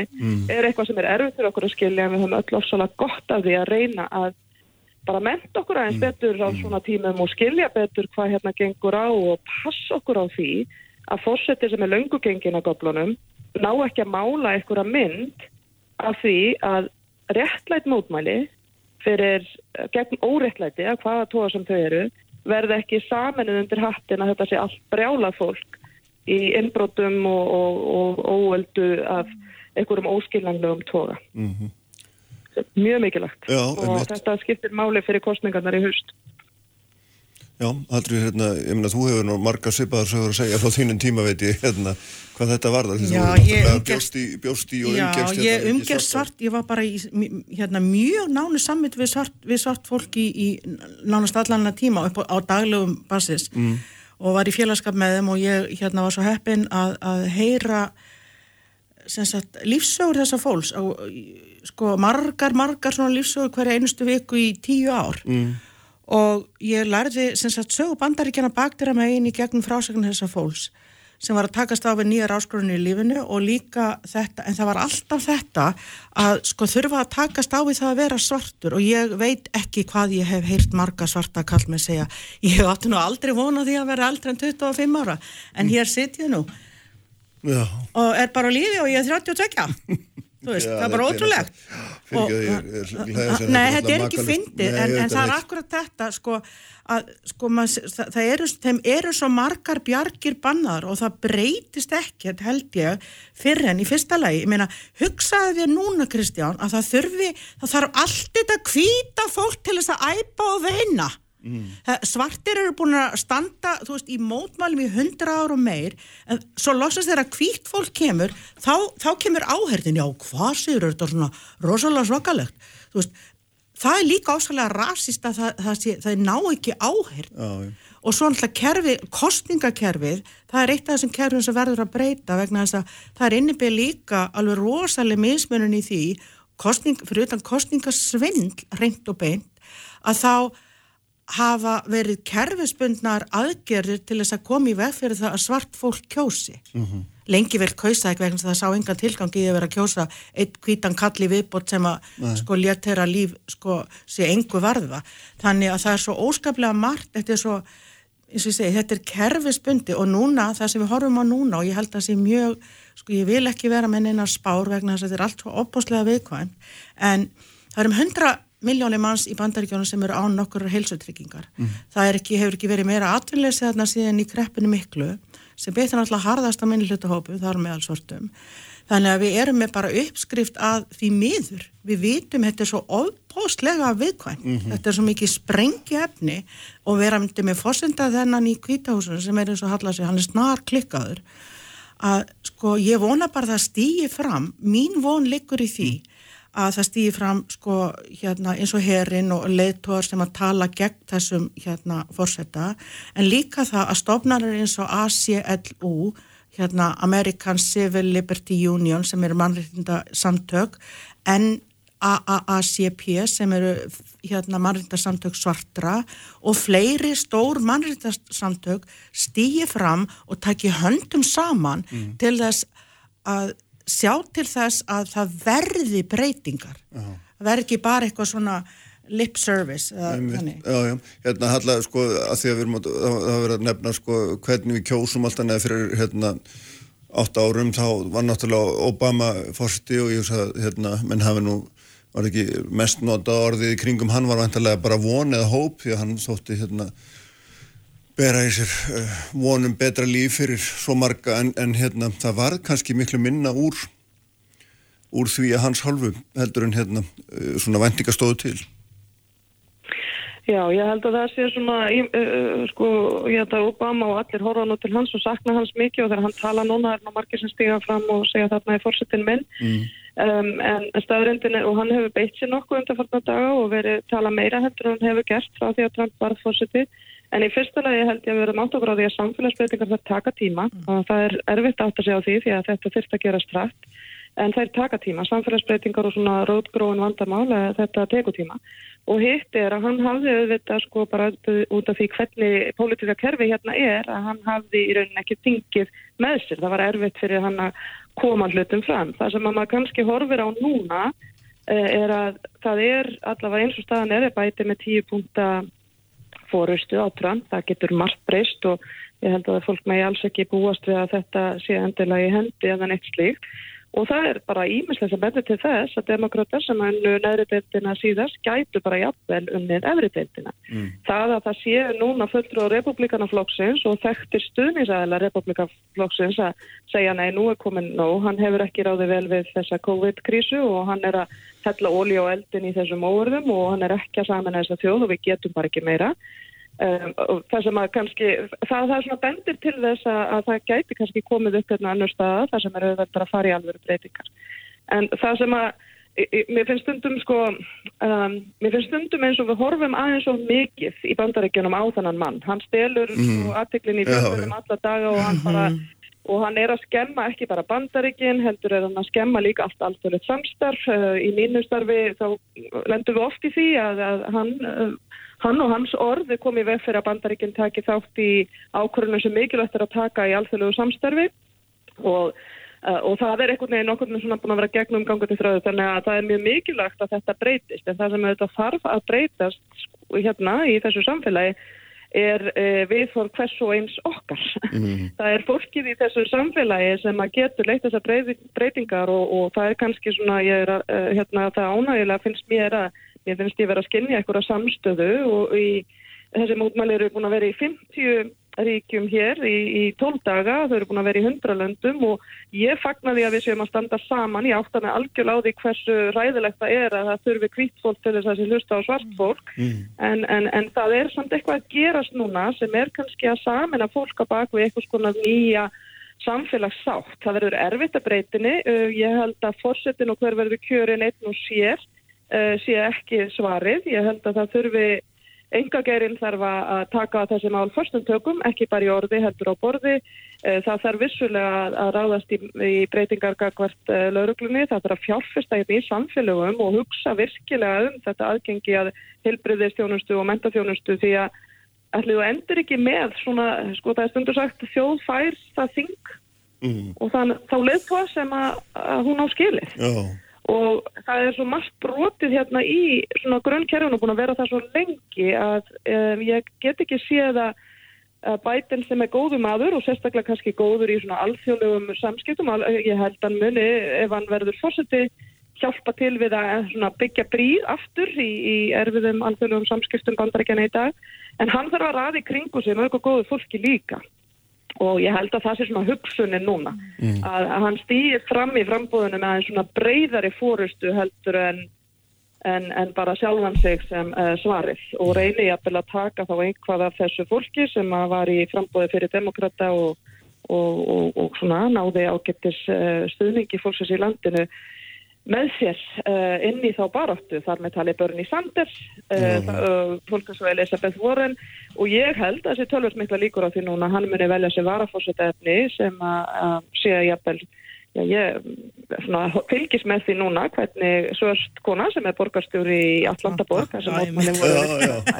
gæti orðið gæti verið eina þessu af því að hann var svona að horfa á Amy Klobuchar allavega var það svona sem að maður Já. heyrði mikið en, en hún er auðvitað frá Minnesota þar sem að þetta allt byrtist og gerðist Já, og það hefur komið í ljós að það var margbúið að fyrirgefa þessum ábættisfulla lauruglumanni sem misti George Floyd uh, fyrir, já ég held einhver átjón uh, fyrir tilfelli Já. þannig að Amy, Amy er alveg út á kortinu og verður ekki valinn um, en spurningin er hvort að Stacey Abrams, Kamala Harris eða þessa, þessi unga kona sem er borgarstjóri í Atlanta og hefur verið algjörlega frábær Mm. uh, í síðustu vikur um, sé jafnvel um, mögulegur kandidat. Það verður spennandi að fylgjast með þessu. Já, einmitt, heyrðu, hérna, við verðum að láta þessu lokið að sinni, hérna, þetta var frábælega hérna, fróðlegt og skemmtilegt að hafa ykkur báðar. Halla, takk fyrir að vera með okkur frá bandaríkunum og Hallfríður, takk fyrir að koma hingað í, í hljóðverið Takk fyrir að bjóða mér. og hérna, ég ætla að halda áfram hérna með allt annað mál, það eru málumni Sorpum, það eru Stefán Gíslason, takk Halla og hérna Stefán. Gíslasons umhverfi stjórnunafræðingu verður hérna hjá mér. Sprengisandur á bylgjunni. Sprengisandur. Alla sunnudaga á bylgjunni. Sælir hlustendur, þá er er farna frá mér Halla Tómasdóttir sem var á línni frá New York og Hallfríður Þóransdóttir, uh, doktor í mannfræði sem var hérna í hljóðverinu, vorum auðvitað að ræða ástandið í bandaríkjónum en ég ætla að fara í allt annan, allt annan farveg því ég ætla að tala um málumni Sorpu, Stefán Gíslason, hérna umhverfi stjórnuna fræðingur, sestur hérna hjá mér, ræða blessaður og velkomin. Blessað, takk fyrir. Já, hérna, sko, tökum það nú fram, ég upphef að þú hefur nú aðeins komið að þessum sorpumálum, er það ekki með ráðgjöf í gegnum tíðina svona eitthvað smávegis allavega? Jó, svona smávegis, tvö skipti kannski. Já, einmitt. Sko, hérna, það sem hefur verið, auðvitað verið til umræða núna er þessi gas- og jargerastöð. Jú, jú. Og hérna, og ég, ég hérna, sendi þér einhver smá gerð þar sem ég svona var að velta um hvort við ættum ekki að ganga út frá þetta væri góð hugmynd og hérna, og horfið til betri vegar og, og hérna, myndi leysa einhver vandamál. En- En er það, er það, hvað segir um það bara, svona ef maður byrjar bara þar? Það hvað er góð hugmynd og hvað er ekki góð hugmynd er náttúrulega eh, háð mörgu sko. Að, að, að grunni til eh, get ég alveg sagt að þetta sé góð hugmynd sem að, og, og sé framfarskref og horfið til betri vegar. Mm. En það skiptir öllu máli í svona málum hvernig er staðið að þeim, bæði hvernig staðið er að ákvarðana töku uppbyggingunni sjálfri og síðan rekstrinum, þannig að það er ekki tilnýtt einfalt svar við því hvort að hugmynd sé góð eða ekki. Mhm. Það er svolítið eftir hvernig hún er útfærð. Mm. Hvernig hefur þið fundist útvæslan á þessu vera? Þú horfir yfir það? Um, ég er náttúrulega velt fyrir mér umhverfis hliðinni Já. Og reynda núna í setjum til líka lagalögu hliðinni Mhm. út frá umhverfislöggjöf. Og, og svona í stuttumáli þá finnst mér margt aðtúavert við það hvernig hugmyndin hefur verið framkvæmt og ég ætla nú ekkert sérstaklega að tala um sko kostnæða hliðina því að það Nei, er mál sem ég er ekkert sérstaklega mikið inn í. Mhm. þó maður heyrir auðvitað sögur af óhuglegum kostnæði og framkjöfslum og það allt saman, þá er allt einhverja skýringar, mjög skoðar sjálfsagt, en það sem að e, svona stingur mest í augu þegar maður horfir á þetta utanfrá frá umhverfislega sjónumið og reyndar eins og segi líka frá lagalega sjónumið Mm. er það hvernig menn hafa ætlað sér að, að eða semst hvað mér ætla að taka inn í þessu stöð það er eiginlega það sem er kannski aðalvandin Já. það hefur frá upphæði verið ætlun sorpu að taka hérna inn svona grófflokkan eða vélflokkan úrgang þannig að heimilis sorp komi eh, á staðinn hvaða staði sem það nákvæmlega er sem stá upp af stað Mhm. og þar sé svona flokkað úr því það sem ekki áfærin í jargerina með vélum og þetta hefur augljóslega þannig alla bara tæknilega og umhverfislega að, að menn ná aldrei eins reynum ströymi til dæmis samkvæmt e, rannsóknum sem hefur gerða hjá Sorpu þá erum 1-1,5% af heimilissorpi Reykjavík e, raf, rafluður að semst raftæki og spillefni Mhm.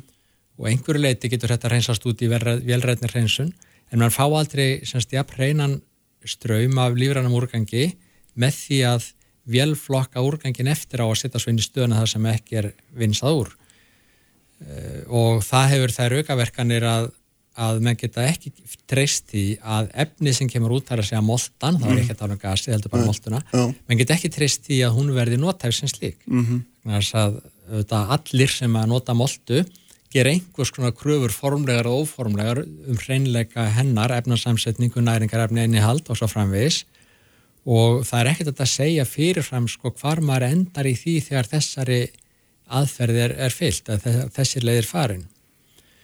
Eh, Aftur á móti getur maður sagt þessi aðferð hefur þann kost að hún getur hugsanlega náði meira lífrænt efni Mhm. Vegna þess að það er líka hellingar af lífrænt efni sem fer bara í ruslið semst í gráðatuna þó að fólk sé að flokka Já. og mann hafa talað um blegjur og lífrænt efni sem er í þeim og margt fleira Mhm. þannig að út af fyrir sig sko, geta mann náð meiru lífrænt efni að inn með því að taka allt en, en, en semst afurðin verður óhjákvæmulega lakari Já. hversu mikið lakari er umhald að segja en hún er óhjákvæmulega lakari og þetta er kannski stóri kallin síðan hefur bæst við uh, sem er ekki lengur bara umhverfisli rauk, þetta er líka lagaleg Mm. að það að taka hann inn lítið flokkaðan úrgang sem sem hefur ekki verið sapnað sérstaklega, sem lífran úrgang sem hefur ekki verið sapnað sérstaklega Já.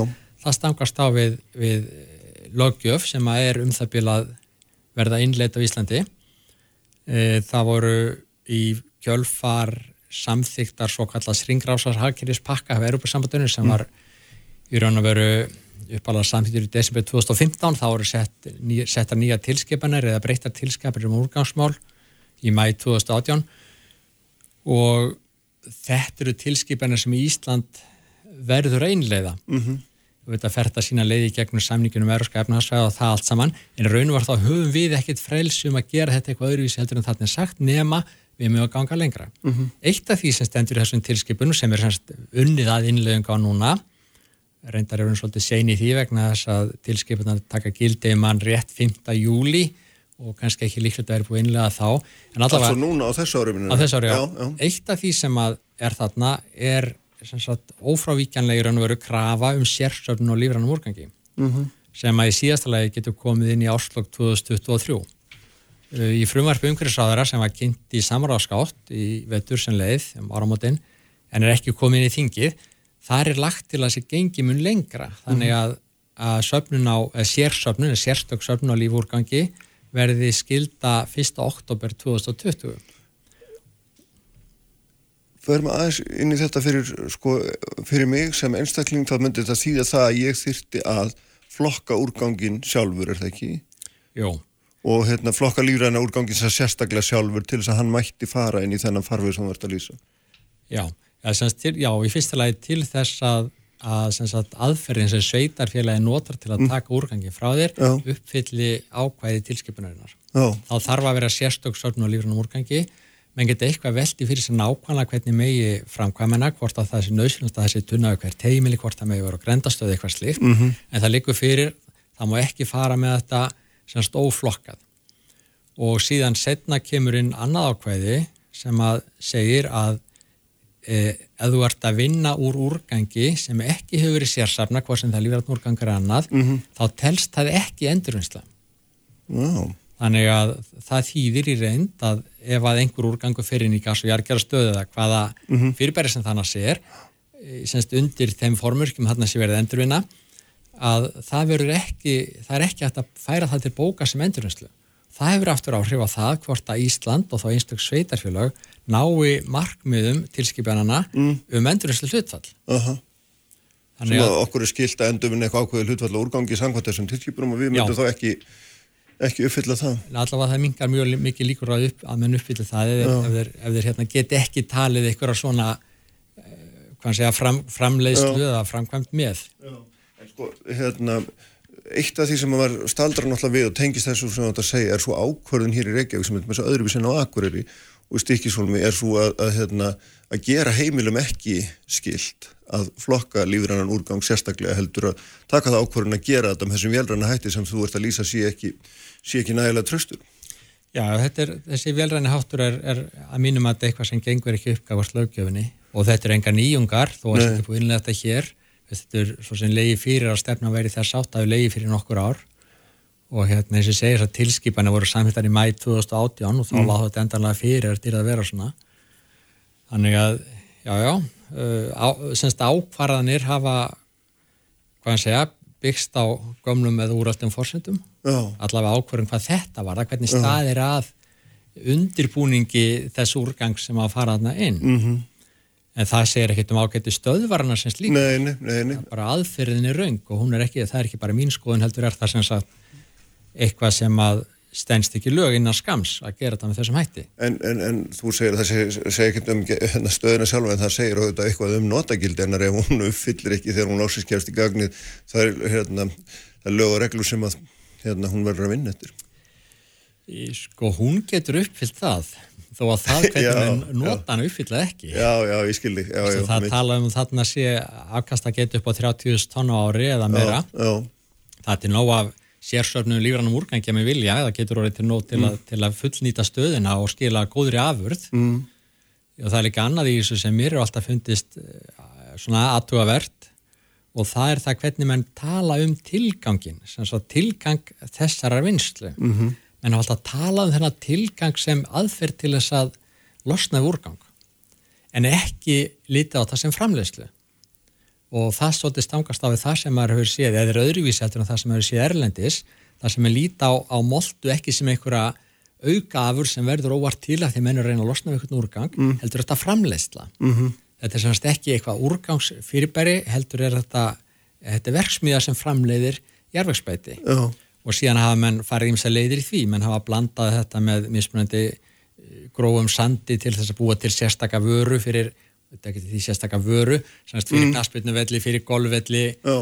fyrir heimili og hvað annað og eins og í sambarilegri stöð sem er eh, ennþá reikin í Danmörku þá er hægt að kaupa, eða frá henni hægt að kaupa alveg, ég veit ekki hvað 10-20 mismöndu vörutegundir Aha. sem er bara útbúna sérstaklega fyrir ákveði marka hvað er það kornastæri efna innihald og svo framins framvegis Mhm.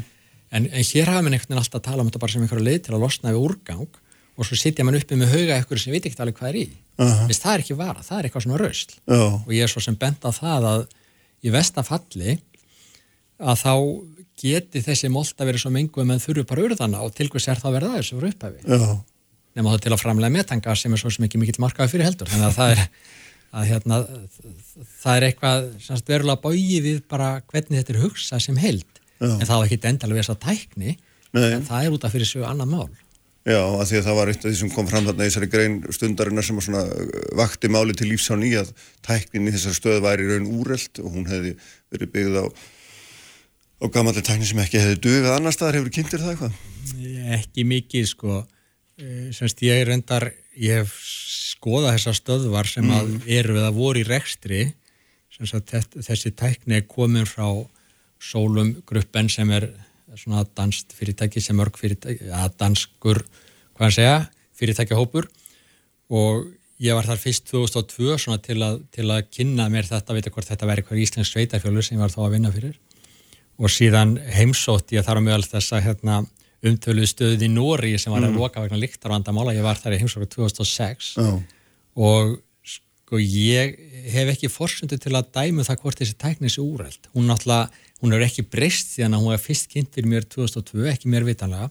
Það þýðir ekki endilega að hann sé úrælt Mhm. og ég er svona reynda eins að horfa á bakvið að lesa á milli línuna í þessum, uh, hvað hann segja, ábendingum frá þýskum aðlum sem er nefndar einmitt í stundinni Já. og ég get engan dóm lagt á þessar ábendingar en, en maður tekur samt eftir því þetta er aðili sem er verið samkeppni við sólum sem að já. út verða tækni þannig að veist, maður þarf að skoða það betur á hann sem maður, áður að maður hérna, fullir eitthvað um það. Það er til margs konar tækni til þess að vinna á lífrannum úrgangi og, og hérna, það fyrir náttúrulega eftir mörgu hva- hvaða tækni er best á hverjum tíma, það fyrir eftir magni, það fyrir eftir aðstæðum, það fyrir Mm. eftir markaði fyrir vörurnar og svo framvegis. Sko. Já, sko, hérna, fænum okkur eins og tækninu og yfir í magniðið mitt vegna að, hérna, svona umræða, myndi maður segja, hérna, og ég held að sé ekki leggja hennum orði í munn með það að segja það, svona umræðan gengur út á það að við leysum urðunavandamálið með þessari, hérna, gas- og jargerastöð. Allt sem við höfum verið að urða af lífrænum sorpi, það, hérna, það getur við, hérna, sett bara þangað. Er það tilvikið? Ef við, ef við orðum að þannig að menn alltaf leysa urðunar vandamáli þá er, lítur það að vera mikill miskilningur því að uh, árlega eða, já, urðunarstæðurinn í Álsnesi hefur starfslefi til að urða 120.000 tonna á ári Mm.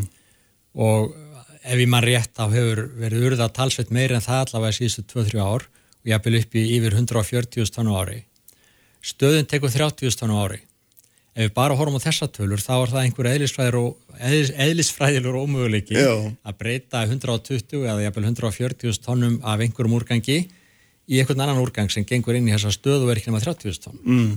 Auðvitað vita með þetta og, og ég veit það að, að, að hérna, aðilar sveitafjölun og höfborgarsvæðin er, er að leita leiða til þess að semst annar leiða heldur en urðunar í álsnesi vegna þess að hún er ótleið til þess að, að afsetja hann úrgang. Mm. Með vita það en hins vegar almennu umræðin hefur verið svolítið þessi, já já þarna kemur þessi stöð sem allt innu þó menn hafi ekki orðað að þannig breytir, ég veit ekki, 130 tónum að einhverju í 30 tónum að einhverju öðru. Já. Það stangast gegn einhverju grundatalögum en, en eins og segi, veist, fólk, menn, sem eru að vinna í þessu vita þetta náttúrulega alveg, sko. Já. En þetta er svo mynd sem hefur aðeins byrst almenningi að mér finnst.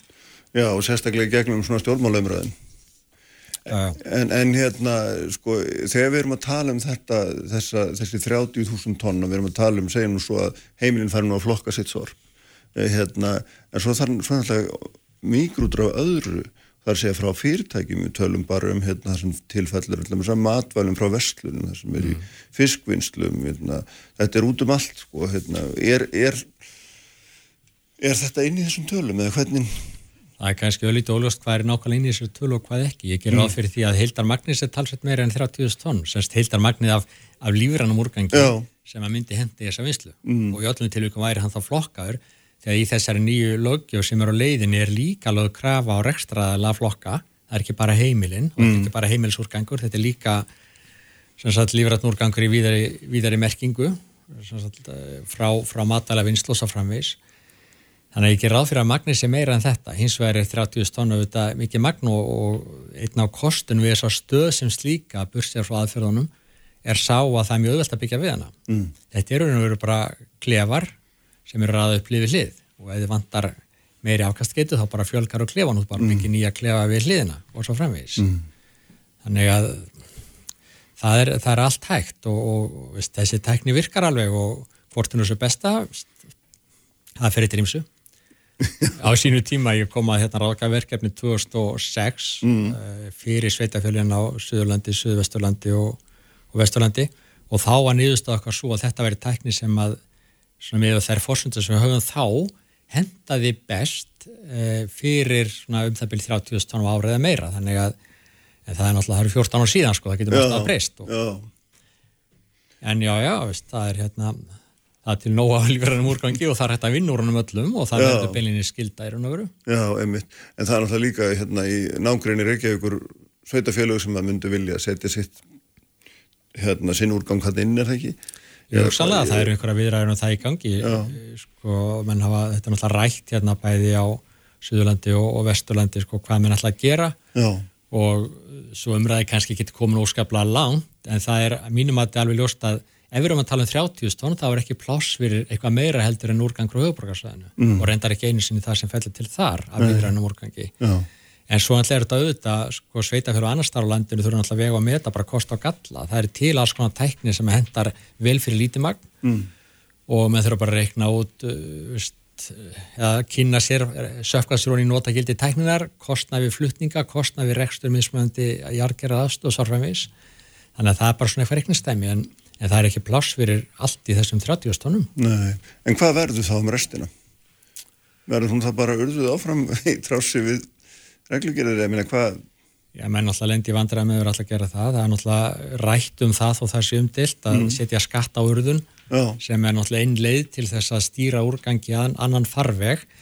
Sko, hugsun á bakveg þetta allt, eða megin, hvað segja, megin stefnan er svo að nýta auðlindi betur. Það snýst í grunninn grunnin um það og um Já. það snýst ringrásra hakkerispakki Erubansambassins, nýta auðlindi betur. Þannig að það er verið að set, beita stjórntækjum til þess að koma í vekk Mm. fyrir að auðlendum sé að kasta á glæ eins og gertir í urðun. Mhm. Veist, þú ert með þarna bæði efni og orku sem hættir að nota um leið og urðar það og þá þarf þetta að vinna nýtt efni og vinna nýja orku Mm. og það er eitthvað rámt við það í, í heimi af endanleiri stærð þar sem að fólki fjölgar og fjölgar. Þú getur ekki alltaf að tekið bara eitthvað nýtt og hendi sem varst að nota. Þú verður að nota þetta aftur og aftur og aftur Mhm. og það er náttúrulega grunnurinn. Þannig að ef menn, sko, þess vegna geta menn ekki hvernig sem við líta á það, hvað sem líta á það frá einhverju heimsbyggilegu eða umhverjuslegu eða lagalegu sjónamiði, menn get ekki haldið áfram urða nema það sem engin leið er að finna annan farveg fyrir. Mm. Og ef að farvegurinn, að, það er allavega eins og ég líti á það, ef að þessi annar farvegur sem tryggir betri nýtingu auðlinda hefur í för með sér meiri kostnað, þá er vittlust gefið í spilinu. Mm. Þá þurfa stjórnvöld að stíga inn í hvort sem það eru urðunarskattar eða einhver önnur hagræn stjórntæki eða, eða hérna sektir eða hvað það er til þess að stýra auðlindunum inn í hagkerfið aftur eða halda þeim inn í hagkerfið. Já, já, já. En hvers vegna, hérna, ef, ef maður spyrja að mata því, hvers vegna hefur þetta þróa svona, hérna, að, að við erum að velja þessa leið og svona við erum að, eitthvað meina vakna upp í vondu draum núna rétt áður en á, hérna, vesmiðan á frá opna, er, er, er þetta vegna þess að, að hérna, þarna fer ekki saman svona hugur og höndi því að stjórnmálin eru onáðu sem þau þekkja þetta ekki, eh, hérna, þá verður frangvöldastjórnin of sterk eða, eða hva, hva, hvernig myndur þú hérna meta það? Eh, Þetta er náttúrulega einhverju lítið það að, að, að menn hafa ekki fylgst með Mm. og, og hafa ekki hlustað á, á hérna, varnaðar orð. Einhverju lítið snýst þetta um eitthvað svona mísvægi á milli þeirra þekkingar sem liggur í embætsmennu og þeirra þekkingar sem liggur í kjörnu fulltrúum. Þetta, þetta getur verið alls konar þættir sem kom inn í veist, skipuna, til, skipuna tími í stjórnamann í sorpu eða hvað sem er. Mhm. Sest, þetta eru flókin mál, uh, það eru eitthvað menn að vinna þarna þeir hafa unni við þetta, við þetta í aðalstarfi í ára tíu jafnvel og svo eru eitthvað kjörni fulltrúar sem kom og fara og, og þeir hafa verið takmarka mögulega að setja sig djúft inn í mál Mm. en, en ég get alveg litið þennan á að, að menn hafi ekki hlusta á varnarorð, þetta verði ekki að koma upp í fyrra daga að það verði eitthvað aðtjóðvert við þessa hugmyndafræði Nei. Veist, ég til dæmis mann eða við hjá fyrirtækinu mínu við unnum minnisblað fyrir Reykjavíkaborg 2014 held ég þar sem komist raun og vera nákvæmlega sömu niðurstöðu eins og ég er svona í að hérna núna Mm. nema að þá var þessi lögjöf ekki eins fyrirsjáanlega og já. við vitum algjörlega nákvæmlega að þessi, þessi ákvæði komin í lög Já. það er óhagkvæmlegt, Já. við vissum það ekki þá þá hafði maður meira bara þessa umhverfislegu forsendur Mhm. og reyndar vorum þá líka að skoða hvort að þessi aðferðafræði e, stæðist e, sko gafkvært markmiður sem búið að vera að setja í landsáallinu meðallin úrgangs í markmiður sveitarfélaginu og höfuborgarsvæðinu og niðurstaðan svo að hún gerði það ekki. Og þetta var 2014 síðan um sex ár. Þannig að menn þurfa ekki að vakna upp í vondan draum eitthvað núna. En svo ætlar annað þessu líka sem ég held að sé víðavandamál og það er það að það eru sveitastjórnamenn sem eru fulltrú af fólksins, þeir eru kostnir til Mm. þess að taka ákvarðanir en mér eru fundist ég að tala um það í meir en 20 ár að það hefur ofmikil tilnefing eh, hjá sveitastjórnamönnum og það er ekki bara að tala um höfuborgarsvæði heldur bara kannski bara mjög almennt þó ekkert sé algilt í því Mm. það hefur ofmikil tilnefing til að framselja valdið til einhverja stofnana það sem eru embætsmenn sem hafa kannski þess vegna ákveðna sín eins og Mm. menn hafa bara og, og, og svo hafa bara sveitastjórnamenn verið þarna til að skrifa upp á hugmyndir sem eru vel kynntar og líta vel út Mm. en standast kannski ekki alveg nánæri skoðun og menn hafa einhvern veginn ekki haft tíma eða, eða vilja, kannski alveg ekki tíma eða, Mm. eða getu til þess að sökva sér í þessa flóknu málflokka því að Mm. við lifum á tímum örra breytingar svo sagt er þó þessi reyndar ekki í þessum jargeramálum þau á svo sem ekki breyst mikið í síðustu 30 ár Nei, sko, en, en hérna þann, þann er ákveðin hætta menn Mm. hafa sagt, mikil, eitt af mikilvægastu hlutverkum sveitastjórna er stefnumótun og, og menn hafa svolítið að mínu mati, eins og segi, ég er búin að tala um það í meira en 20 ára, það er Já. bara mín skoðun Mm. menn hafa svolítið framselt það hlutverk, semst falið embætsmennu það, Mm. þetta búið til einhverja stefnu hérna á viskljóns og samtíkina Já. en menn einhvern veginn hafa aldrei sest onni bara, veitu, er þetta það sem viljum og fólki sem vorum sem kaus okkur að þetta sem það vil Mhm. Og það er náttúrulega eins og náttúrulega blandast margt fleiri inn í nákvæmlega ákvarðanatökuna þarna eins og bara eins og það hvort að þessi rekstur eigi frekar að vera af vegum sveitarfélaga eða enga eðila Mhm. og það er náttúrulega samkeppn og engamarka það er aðri sem geta búið þessar lausnir og svo framvís og það flækir máli líka Já, einmitt, ég heyri það að við erum, þetta er, þetta er hvergi næri tæmt. Alls ekki, sko. Nei, heyrið, en takk Stefán fyrir að koma og veita okkur þessa fróðulegu insýnin í stöðinu, við verðum að láta sprengisandinum lokið í dag. Ívar Jóhann Haldarsson stýrði útsendinguna vennu, allt efnið er á bilgjan.is og vísi.is. Sjálfur verði með ykkur hér aftur eftir viku, verðið sæl.